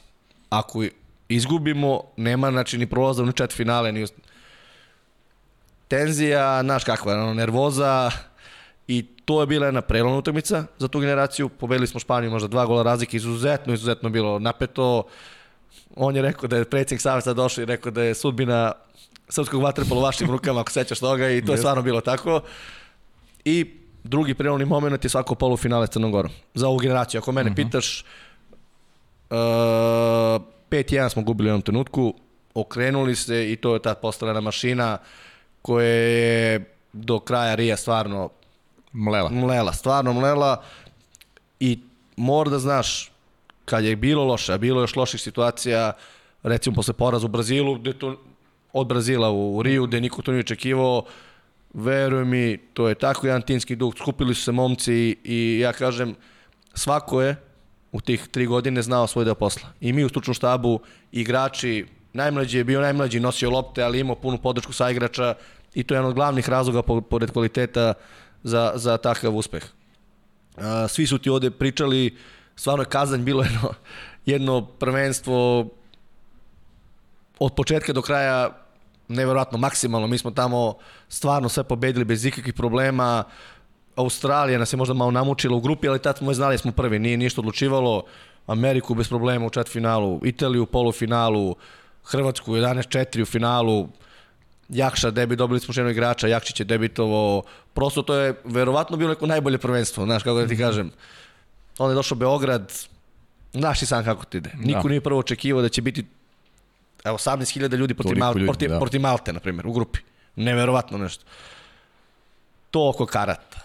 Znaš kako to ide, finale, svi bi da dođu sada da gledaju vaterpolo, pritisak, ovi zovu iz grada ili već da se izađe na posle kao utakmice, na, mi smo već kao osvojili da se na balkon. Neko pitao, pa šta ćemo ako budemo drugi? Pa kao kakve veze, ma kažem, mi ne izlazimo ako budemo drugi, nema tu priče, znaš, stvarno se stvorio neki pritisak, možda je to i normalno, igraš kod kuće u Beogradu, 20.000 ljudi, svi očekuju, navikli smo ljude na uspehe. A kad ste vi u pitanju uvek je pritisak, zato što svi očekuju da, da, da uzmete zlato. Apsolutno to, mislim, ne znaju koliko je to teško i negde ta priča da Waterpolo ne igra kao mnogo zemalja, to je stvarno... Ma, to su, to su, to su priče gluposti, za malu decu. To su gluposti. Kao futbol igra mnogo, pa zna pa se, da u, futbol, je... u futbolu uvek iste zemlje svoje titul. Apsolutno i u košaci, tako da to nije tačno i nekako kad smo pregurali taj Beograd, to je stvarno bilo još jedan stepenik sazrevanja, iako su iskusni igrači, kažem, veliki pritisak je bio i došao je taj Rio koji je stvarno bila kruna, kruna generacije, čekala se ta olimpijska zlatna medalja, bilo i kvalitetnih generacija, i Deke, Vladina, pa i Vanja je bio tu tamo kad je bio London i sve to, sve to je išlo nekako moguće da je taj pritisak došao toga da mi ne startujemo dobro u grupi, ali znaš i sve sam, nerešeno sa Mađarskom, pa sa Grčkom, neverovatan prolaz od Brazila, poraz od uh, Brazila, verovatno 100 utakmica smo još odigrali, ne bismo izgubili od njih. I eto, taj treći prelomni moment, stvarno, ja mislim za ovu generaciju, ta utakmica protiv Australije, isto, ako izgubimo, Jeste. vraćamo se kući. kući da. A, da pitaš sve generacije vaterpolista starije, koja te ekipa, odnosno reprezentacija najviše nevira, svi bi ti rekli Australija. Plivaju, dosadni, a ta generacija imala, a ta generacija imala i kvalitet. Stvarno, vodili su jedan razlike na poluvremenu, znači, verujem mi, to je stvarno sve bilo samo neprijatno. Pa čak i Japan sledeće kolo. Uf. 5-2 za njih. E, šta se dešava ovo, je li moguće? ali stvarno posle četiri finala, kad smo to pregrmili, kad su to stvarno momci iznijeli na pravi način, posle sve je bilo istorija. Pro, nisi, nismo prošetali, ali smo odili takve tri utakmice, Španci, Italijani i Hrvatska u finalu, da ma zaslužili su, nema, nema, zaslužili smo ili zaslužili su kako god. Da. Apsolutno veliki, veliki uspeh, najveći mogući biti na postolju olimpijskih igara kao pobednik i kažem, izuzetno mi je drago zbog tih momaka jer znam koliko su se odricali i tokom karijere i tih par godina, tako da eto, stvarno mi je drago da sam bio deo te ekipe, ja se bavio scoutingom u tom E, trenutku. to ste ti kažem, ajde kad, kad, kad pričamo o tebi, da, da, da mi malo opišeš svoju ulogu u stručnom štabu, da kažeš ljudima šta su tačno tvoje zaduženje. Pa dobro, ja sam ti rekao da sam krenuo s Dekijem kao pomoćnik, sedao sam na klupi u te prve 3-4 godine juniorske reprezentacije, ali nekako sam i brat i ja u, u A reprezentaciju ulazili kroz tu neku vrstu skautinga koji je uvek bio neophodan seniorskoj, seniorskoj reprezentaciji. Uh, šta je posao? Posao je malo i fizički, a naravno i stručan. Uh, treba snimiti sve utakmice koje selektor odabere. Na primjer, dođemo na prvenstvo, Deki mi štiklira koje utakmice moraju da se snime, koje su mu zanimljive. Naravno, pričamo ne samo o našoj grupi, nego o svim grupama. I nakon toga, moj zadatak je da pripremim ono što će se gledati i što će se prezentovati igračima na sastancima. Ono što ja sigurno krećem da radim i da ne pitam Dekija, to je igrač više, igrač manje, to, će, to uvek treba. Negde znaš i sam da mi baziramo dosta toga na odbrani. Ideja, naravno, ta neka srpska škola, Škola, škola da. da. ili jugoslovenska, nije ni bitno. I onda ide to neko, eto, to je nešto što je vjerojatno ovaj stručni štab radio drugačije od drugih. Deki nas pozove kod, se, kod njega u sobu, tu smo Vlada Vujas, tad je bio Uroš, ja, Žare, i ide gledanje, zajedničko gledanje snimaka. Dejan naravno odlučuje, Dejan je glavni, ali nikad nije problem da sasluša, da čuje naše ideje i to su, veruj mi, sati, sati i nepreospavane noći zajedno provedenih u, u, u hotelu, u sobama, gde onda Dejan meni kaže beležiš kad vidimo neku zanimljivu situaciju, zapišemo i ja posle toga napravim neki mali filmić mm -hmm. za svaku ekipu, za svakog protivnika, tako da to je neki, ukratko, kažem ti, moj posao, ali kažem, to neko zajedništvo koje je postalo i u ekipi, ali boga mi stručno štabo je isto doprinelo, verujem mi, ne znam da ti je spomenuo neko Vlada Radović, naš terapeut, znaš ti, koja je njegova uloga isto, on je fiziopsihoterapeut. Mm -hmm. Taj čuveni šumadijski orah, kafić koji on drži, Da, da. gde igrači su nalazili malo svoj mir, ventil, tako da on, njegova uloga Marka Jovića, tad je bio doktor Harhaj, Paja, isto, kondicioni, Žareta Vlado sam spomenuo, Uroša isto, znači, svi smo nekako bili kao jedno, jedno telo i to je bilo isto bitno da to igrači vide i verujem da su osjećali neku našu podršku i to neko zajedništvo. Uh -huh. e, sad je ekipa Čiro opet na okupu. E, spremate se za Tokiju, pa ajde sad iz prve ruke da, da malo aktualizujemo priču kako teku pripreme za Tokiju pre nego što krenemo nova pitanja gledalaca. Pa stvarno ide se svojim tokom. Bili smo prošle nedelje u Kragovicu, bilo nam je stvarno odlično, bez ovih igrača koji si pomenuo, koji su završili finalni turnir Evrolige. Svejano ti znaš da su nam u Kragovicu uvek idealni uslovi, da mi volimo da odemo tamo, stvarno Juga to sve organizuje i pripremi kako treba, tako da smo stvarno dobro radili. Ove nedelje smo zajedno sparingujemo sa američkom reprezentacijom, isto sve ide svojim tokom, najbitnije je da nema povređenih, neke sit- sitne, male povredice se javljaju, ali sve je to pod kontrolom. Priključili su se igrači koji su Mandić, Aleksić, Prlinović, Jakšić, Đole Lazić i sada smo kompletni i sledi onaj deo nekako i tradicija i mi volimo da odemo u Kranj sledeće nedelje putujemo na te neke možemo da ih nazovemo bazične pripreme da. iako nisu na početku priprema ali neko tamo nađemo svoj mir sami smo i verujem da će nam to, to mnogo pomoći da, da se pripremimo za olimpijske igre nakon toga sledi turnir u Beogradu, ja ne znam da li će moći da prisutuje publika, ali vidjet ćemo, ne, znam, ne znamo još uvijek, ali eto, učestvovat će B reprezentacija, Francuska, naša Srbija, naša B reprezentacija, Francuska i Španija. Čini mi se, ne znam da sam pogrešio, ali eto, to će biti neki poslednji kontrolni turnir pred, eh, pred eh, put u, u Japan. Uh -huh. U Japanu nas očekuje idemo u mesto koje se zove Kašivazaki, mm -hmm. da, ajde, 14 dana ćemo tu provesti. Kao Kawasaki, ali nije, nije tako. Nije, tako. Jedno malo mesto, bili smo već pred uh, svetsko prvenstvo u Koreji, bili smo tamo, to je nevjerojatno, ja sam znao da je narod Japana gostoprimiv i ljubazan, ali taj nivo, to je, to, ti ne, to je ljubaznost do, do nerviranja, do, to je, ne, ne, ti ne da da, da, da, da popiješ vodu, on bi ti dao da popiješ, ne znam, bili smo u nekom restoranu, su nas oni odveli posljednje veče i sad prži se meso na samom stolu, znaš, onda on kao prži mesto tebe, mi kažemo, e, mi hoćemo, nemoj, nemojte vi. Tako da izuzetno, izuzetno očekujem da će biti, da će biti tamo lepo, uh, tamo će biti reprezentacija Crne Gore, još uvek zbog tih protokola, mi ne znamo da ćemo moći da sparingujemo, sa njima nećemo, ali neko idemo tamo da je taj neki obavezan karantin od 14 dana provedemo tamo i da treniramo, tako da to je poslednje pred, pred olimpijske igre i ja samo verujem da ćemo svi biti zdravi, a momci su, mogu da ti kažem, stvarno fokusirani, spremni. Imali smo tu Budimpeštu, koja to završili smo peti pred koronu, on što kaže, opet smo se svi resetovali, ja mislim da, da smo potpuno svesni situacije i spremni smo da napademo medalju, to je, to je sigurno. Dobro, e, ajde još jedno pitanje za kraj pre pitanja gledalaca vezano uz olimpijske igre. Kako ocenjuješ konkurenciju i da li misliš da se ostali plaše Srbije i ko, koliko je sada a, lakše e, svima vama, kako u stručnom štabu, tako i igračima, zbog činjenice da je to zlato u Riju osvojeno, pa više nema tog ogromnog pritiska, u stvari vrhunski sport uvek nosi veliki pritisak, ali verujem da ipak, uh, mada u sportu najteže braniti osvojeno, to je činjenica, ali, ali ovaj, i, i svima će Srbija biti onako, uh, verujem i glavni izazov uh, u, u Tokiju, da li je Srbija spremna za taj izazov?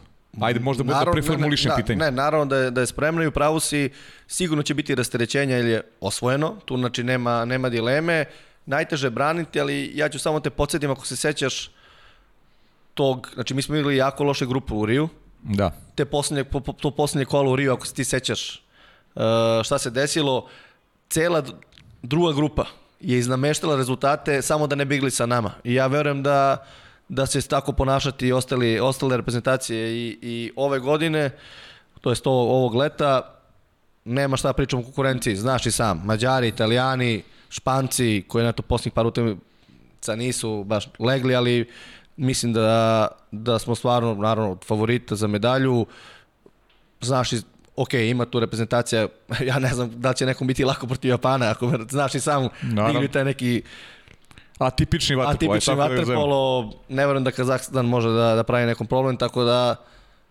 kažem ti, olimpijski su igre, svi žele da osvoje zlatnu medalju, mislim da si lepo rekao, to što smo osvojili sigurno može da nam olakša malo, nema tog pritiska da se konačno osvoji zlato, ali sigurno 4-5 kandidata za, za, ne, za zlatnu medalju. Dobro, Čiro, aj sad da pređemo, ima tu još pitanja, ovaj, ali ti sigurno ćeš biti ponovo gost u ovom našem podcastu. Svašta bi ja tebi još nešto pitao, ali da malo damo pažnju i gledalcima. Ima zaista dosta pitanja. Prvo, velika zahvalnost Aleksandri, našoj dragoj koji uvek ima, ja ne znam odakle ti nalaziš ove sve informacije, morate pohvalim i, i mnogo sam srećan što, što ti imamo Marina ja u ovom podcastu i još jednom ja to želim javno da ti se, da ti se zahvalim na, na pripremi za emisiju. Uh, Evo, evo jedno pitanje vrlo interesantno i da budemo koncizni koliko možemo odgovorimo da. na što više pitanja. Kaže, koliko je olakšavajuće okolno što u Francusku ima normalne uslove za rad i što više ne mora da improvizuje, da bude op, da, da improvizacija bude u opisu njegovog posla, kao dok je bio u Partizanu, jer izjavio svoje vremeno da na njih utiče to čiji je bazen što ne treniraju na svom bazenu, odlasi veliko broje igrača neredovne plate.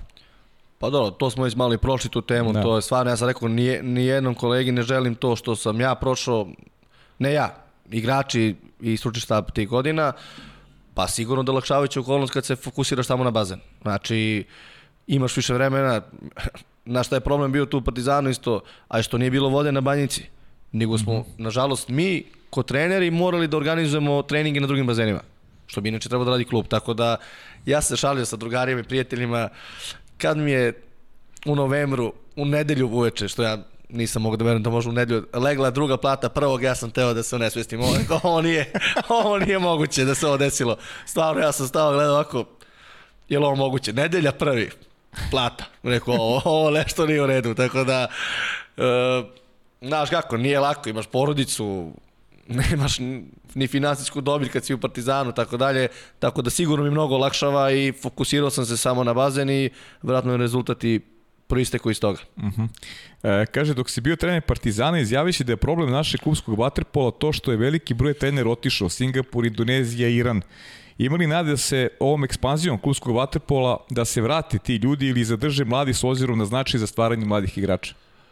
Pa, ja verujem da ima. Ja, ja sam to tad rekao i Zoran Milenković je bio u Sloveniji.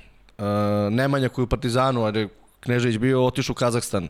Uh, Deki Milaković koji je bio u procesu reprezentacije u Singapuru. Uh, Miloš je u, u Italiji, u Proreku.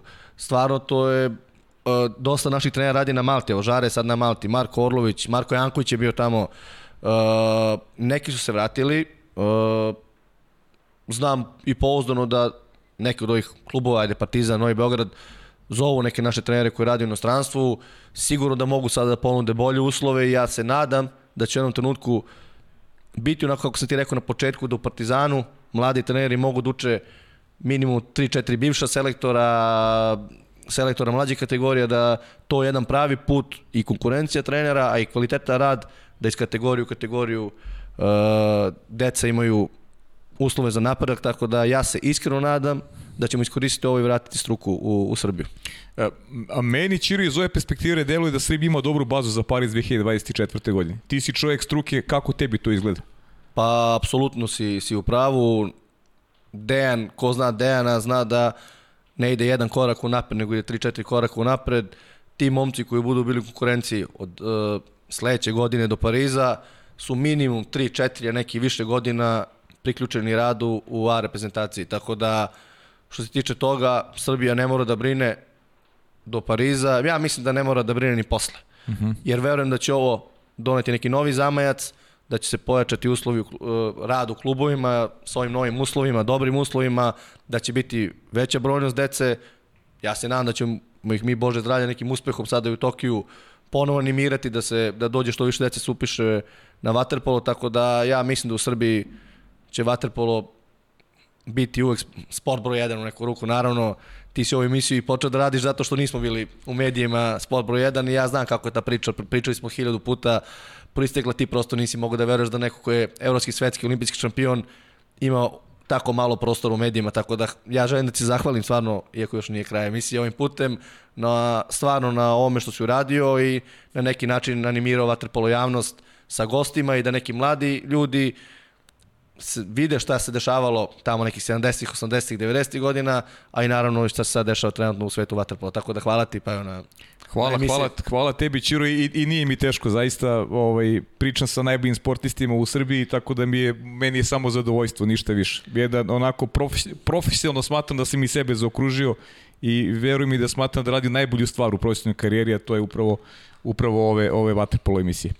E, tvoje, tvoje mišljenje, opet Aleksandra, tvoje mišljenje o, o trenutnim vaterpolu pravilima?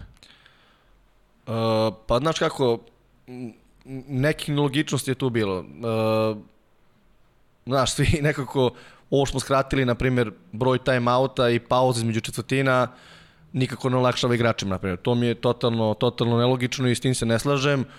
S ovim nekim pravilima koje se ubrzava igra se zalaže za to da ne mora lopta stalno se vraća na mesto gde je bio faul i tako dalje, ali mislim da neke sudije nisu baš dobro to primenile, ne, ne pričam za Srbiju, nego generalno u Francuskoj, verujem pred svaku utakmicu, sudija dođe i meni kaže kad je faul, bitno je da se vidi da je lopta izletela iz ruke.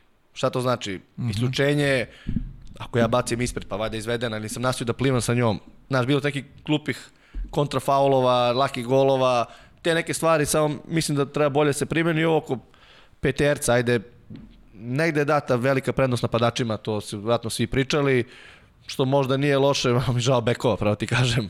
Redko tu ko možda završi bez tri lične, ali mislim da, da su neke stvari dobre, ali da neke nisu baš logične. Uh mhm. -huh. Kaže, selektor Savić je skoro izneo alarmantan podatak o broju neplivača u Srbiji. Koliko je to ozbiljan problem za naciju? Pa, sigur, uh, sigurno da jeste ozbiljan problem i Dejan se preko, poto preko udruženja trenera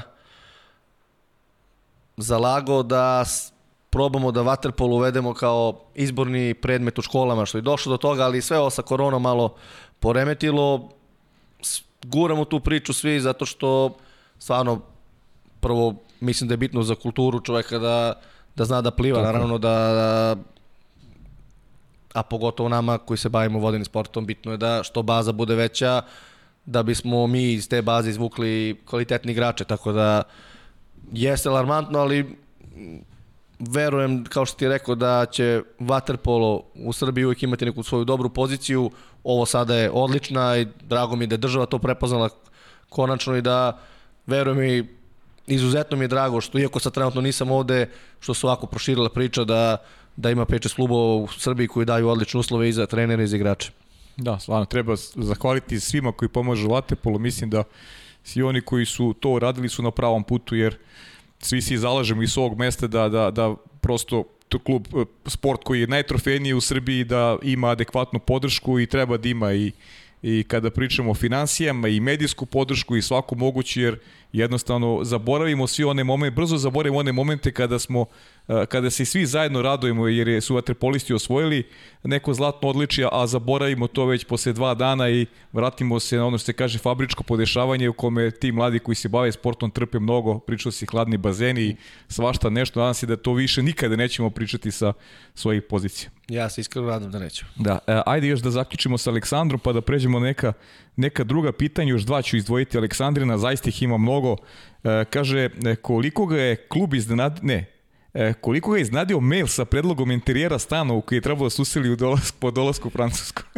Do, ne, dobro, dobro pitanje. E, znaš kako, brat, znaš da je u reku jedan od najvećih klubova, ja sam bio u Partizanu, za mene najveći klub, ali taj prvi neki mail koji su poslali sa predlogom ugovora, znaš, kad ti, ti veruj mi, meni se dešavalo u Partizanu da uđemo u autobus, treba da krenemo za Split ili Dubrovnik i vozač sedi, neće da vozi.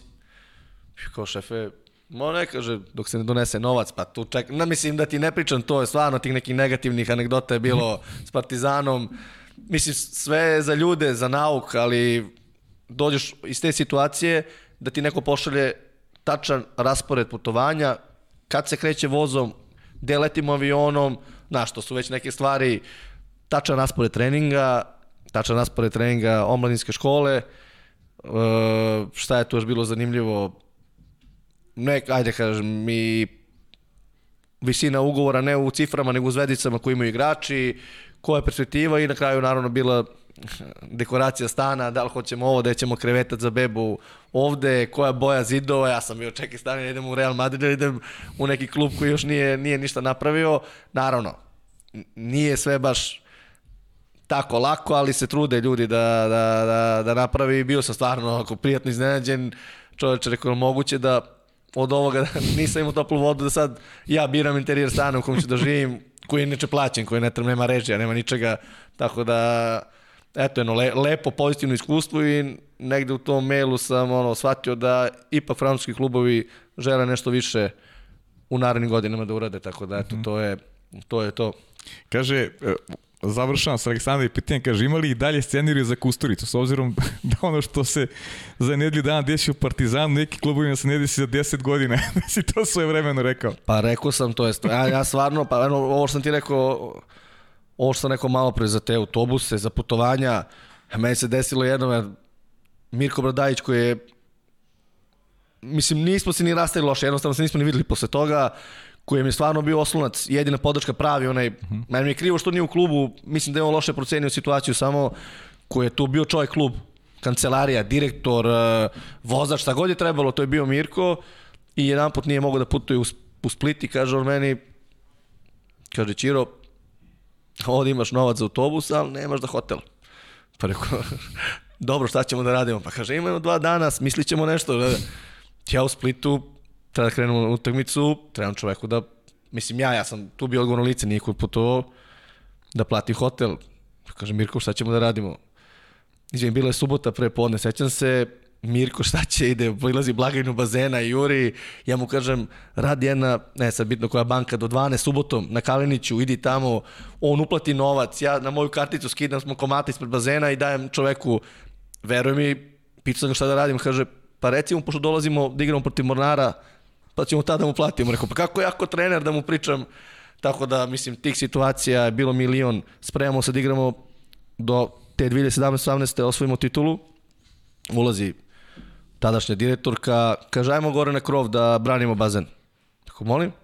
Kaže, aj, penjite se gore na krov da, da branite bazen, hoće da seku struju. Tako, mi da branimo. I ta, mislim, milion stvari, stvarno, veruj mi, ponavljam, to što se dešavalo u Partizanu za sedam dana, što može se desi, nije moglo za godinu dana nijednom klubu i stojim iza toga i za mene je bilo jedno iskustvo, verujem da će posledice tek doći. E, hvala Aleksandri još jednom, idemo sad, Sandi Martelj te pozdravlja, on je bivši reprezentativac Slovenije, e, čestitke, kaže Stefanu, za sve uspehe i pita u koji reprezentativni uspeh si dava najviše energije, vremena, znanja? Ili prosto... Pa ne, naš, svaki put se pristupalo maksimalno. Možda stvarno najteže fizički je bila ta olimpijada u Riju, jer e, to je, š, znaš kako, kad je prvenstvo Evrope ili sveta, uvek ima nekih nezanimljivih utakmica. Ovamo je 12 najjačih ekipa. Da. I to je malte ne 6-7 vezanih utakmica za redom snimanja. To, to su nose dve, tri baterije, oni produžni kablovi, to ne može da, se, da izdrži. A za to vreme u pauzama ve- već mora da pripremim da krenem da obrađujem utakmice dok sam na bazenu, da bi sve stigli da, da pripremimo. Oma se sutra igra sledeća utakmica. Znaš kako, tako da, ajde olimpijada možda je bila najzahtevnija, da kažem. Mm -hmm. Za mene imao sam i mali peh, eto, to, to tako se desi, kaže čovjek ne treba da veruje tehnici.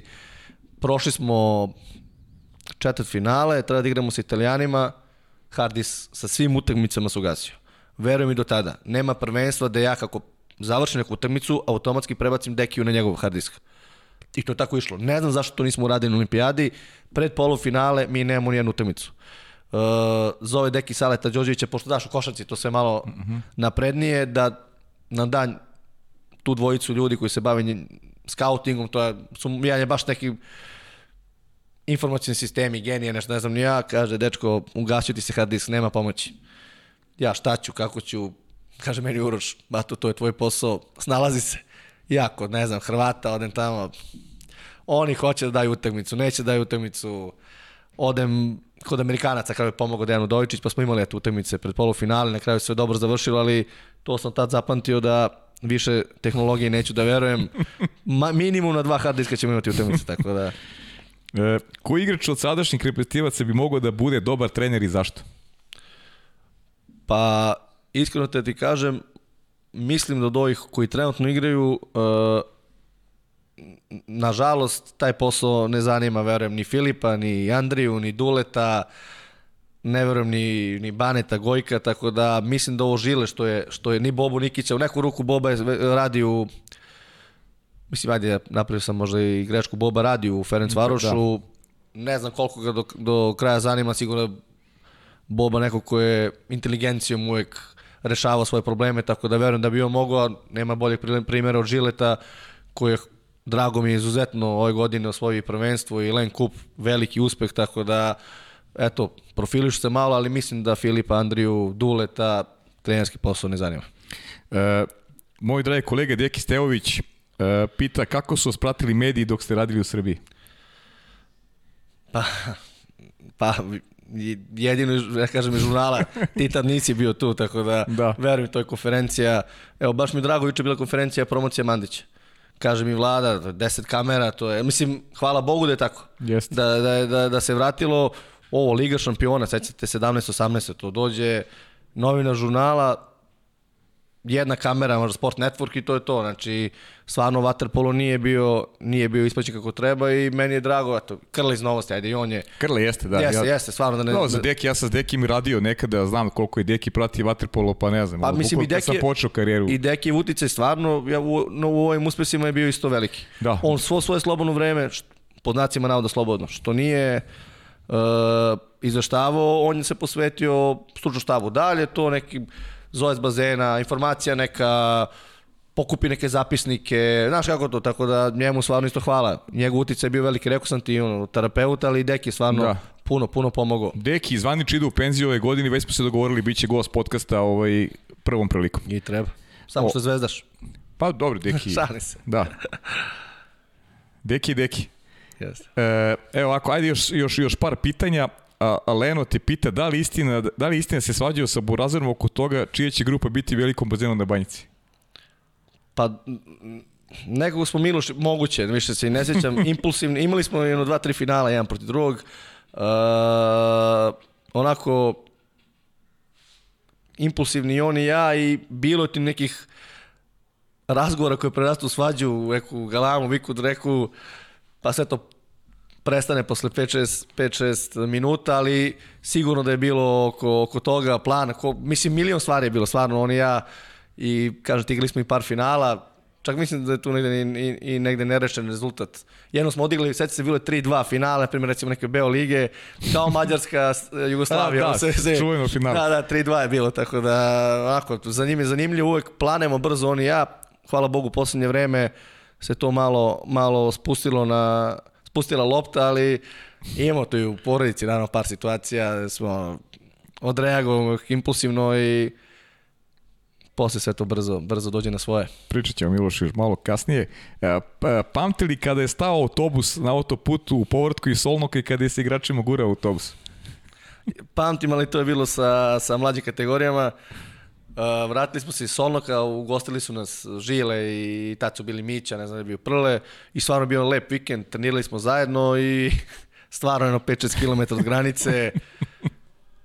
Krenuo nešto da udara onako malo jače, kaže vozač Toma je, seća se, seća si vozača. Dobar je bio, često nas je vozio, kaže nešto nije u redu i međutim stvarno 3 km, onda smo čekali pa gurali pa su poslali drugi autobus koji je promašio granični prelaz, otišao na drugi, veruj mi, od jedno 2 do 10 smo bili, ja mislim, tu negde na autoputu, jedno 7-8 sati sigurno, i gurali smo da probamo da dođemo do pumpe, samo da mogu deca, znaš, ipak sam vodio maloletna lica, mm -hmm. da dođemo do pumpe, da mogu nešto da pojedu, da bilo je svega stvarno. Ko bi rekao da je partizan bio u pitanju. Da, a da li istina da igračima ne daje neke teške plivačke treninge, već se fokusira na neke elemente? Uh, znaš kako, u Partizanu mi je Paja dosta pomogao mm -hmm. sa plivanjem i drugačije je bilo, ali mogu ti kažem da me ova godina malo, znaš kako u Partizanu, uvek je jak rad, guranje do, do limita, mm -hmm. meni je, i ja sam u Partizanu uvek imao 10 treninga i utakmicu. Da, ok, taj 10 je bio na dan utakmice. A ovde mi je po rasporedu pripalo u Francuskoj 8 treninga i shvatio sam da nije neophodno da ima se petkom ima dva treninga, pravo da ti kažem, i ne dajem previše plivačkih treninga, pogotovo ove godine. Na šta je mhm. razlika? U Partizanu je prosek bio 20 21 godina. To su momci koji su spremni da, da izdrže najviše napore. A ovde mi je prosek godina, boga mi je bio Marzuki 33, Petković 34, Krapić 31, 2, znaš, drugi centar 37, bek 33 mm -hmm. i shvatio sam da nema potrebe da udaram glavom ja kroz zid, nego da se ponašam ako sa sladu sa godinama, koji ima ekipa i verujem da smo imali jedno, jedno plivanje nedeljno najčešće, a dosta stvari sam bazirao na taktičkim elementima i to se njima i svidelo. Kako ti kažem, od te 2017. kad sam preuzeo do sada i ja sam sazreo količnost i kao trener i neke stvari gledam drugačijim očima i sigurno bi neke stvari uradio drugačije, evo na primjer pogotovo u toj sezoni 18-19 kad smo ispali u Šapca u polufinalu. Mislim da je to bila možda trenerski moje najloše sezone, ne zbog rezultata, odnosa, a tako rada, sve, nije ni bitno, ali stvarno kako to ide vremenom sazrajam i učiš neke nove stvari. Naravno.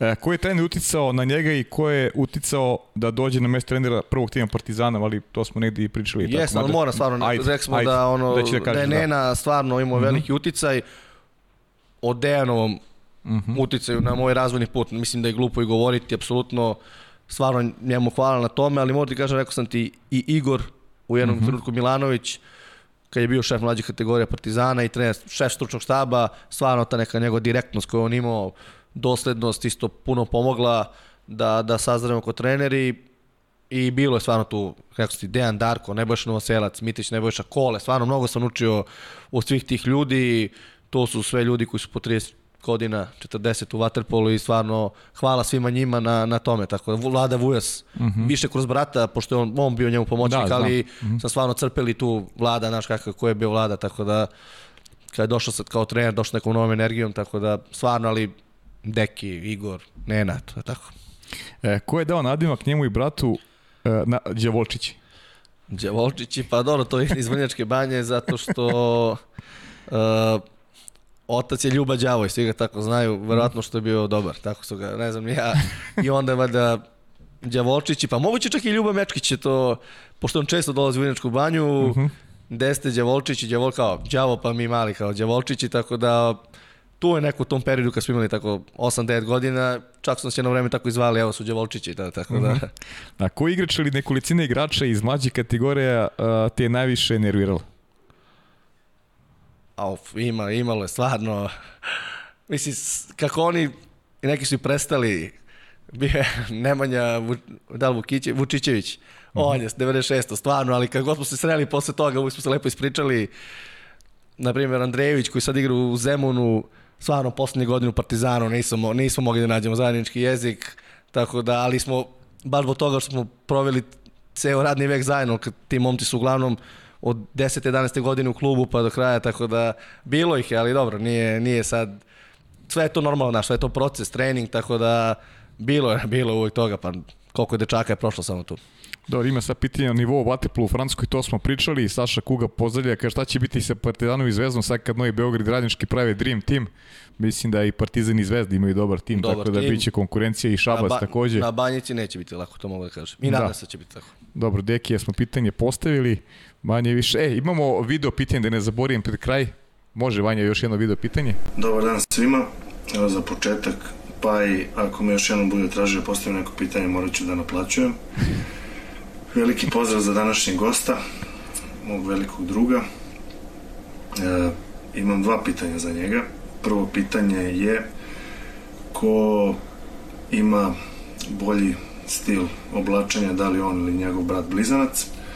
I drugo pitanje, pošto svi znamo da je poštovalac neke dela Diego Armando Maradone, da li može da nam izrecituje ili otpeva pesmu koju čujemo pozadnje.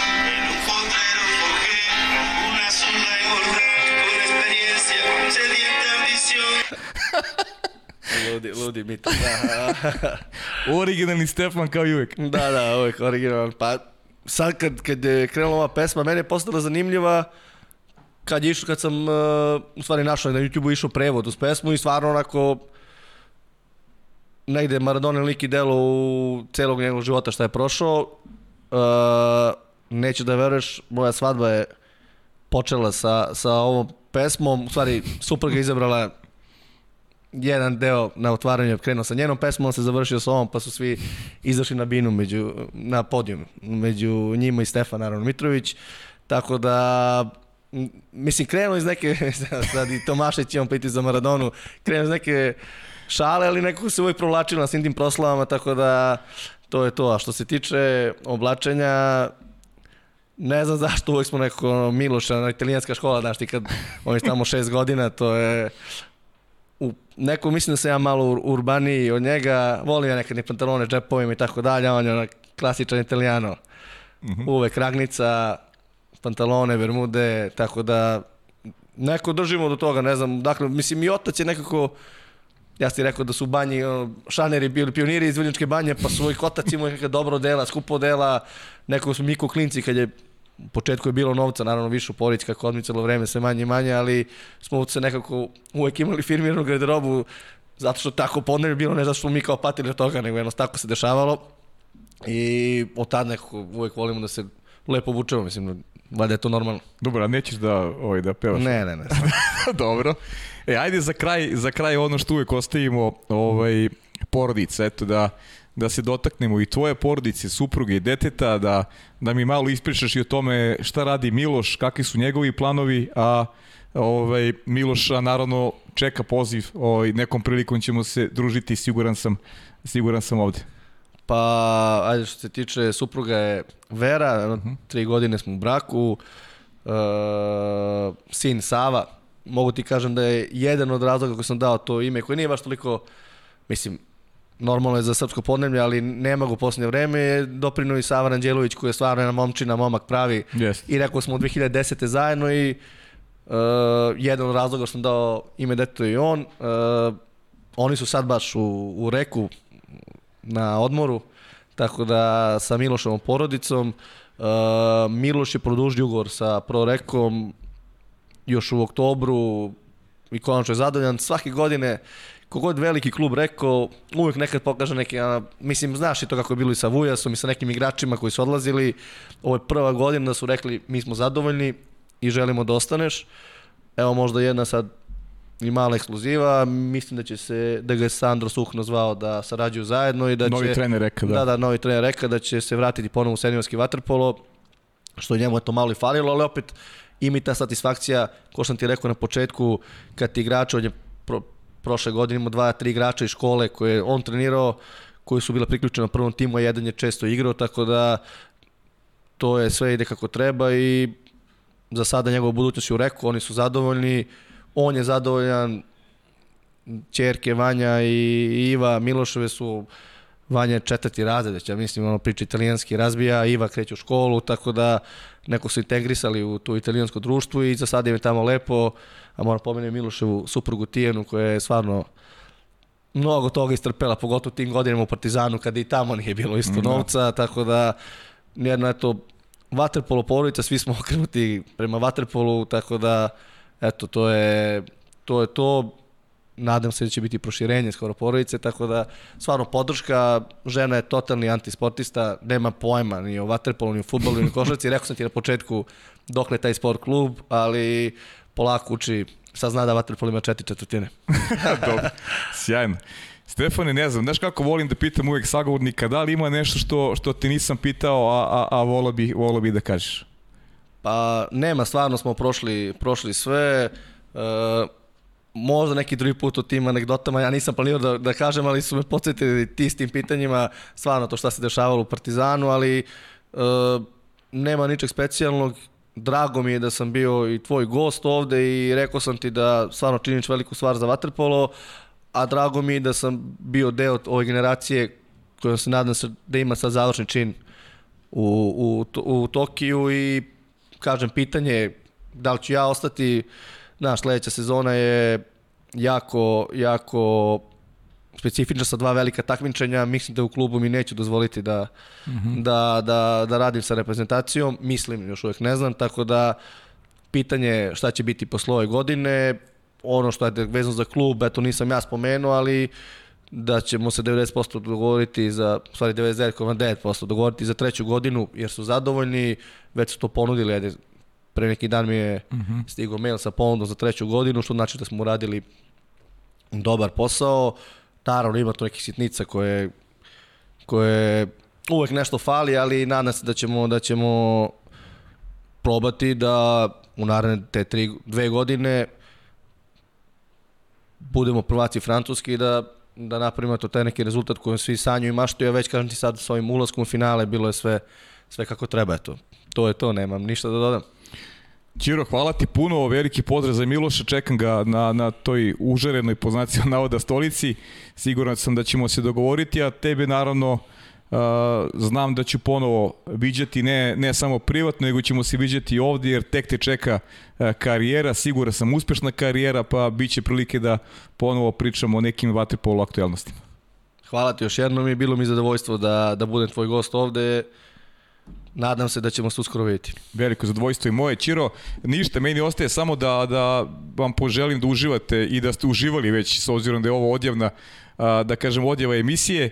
E, mogu samo da vam najavim da znamo ime sledećeg gosta, to je Uroš Tevanović, trener e, radničkog novog šampiona Srbije, tako da Uroša čekamo naredne nedelje i manje više da je poznat, eto i spisak uh, spisak, po znacima navoda, e, kan, e, ljudi koji će u stvari biti na, na mestu e, Stefana Ćirića tamo do kraja jula meseca i rekao sam s kraja jula bavit ćemo se isključivo tim olimpijskim temama, nadamo se dobrim vestima iz Tokija, naravno želimo i reprezentacijama iz regiona da da budu uspešne, bili bi nekako eto dobro da i Srbija i Crna Gora i Hrvatska ovaj na kraju osvoje osvoje medalje. Srbija da bude prva, pa uh, ostali neka se poređuju, poređuju kako žele.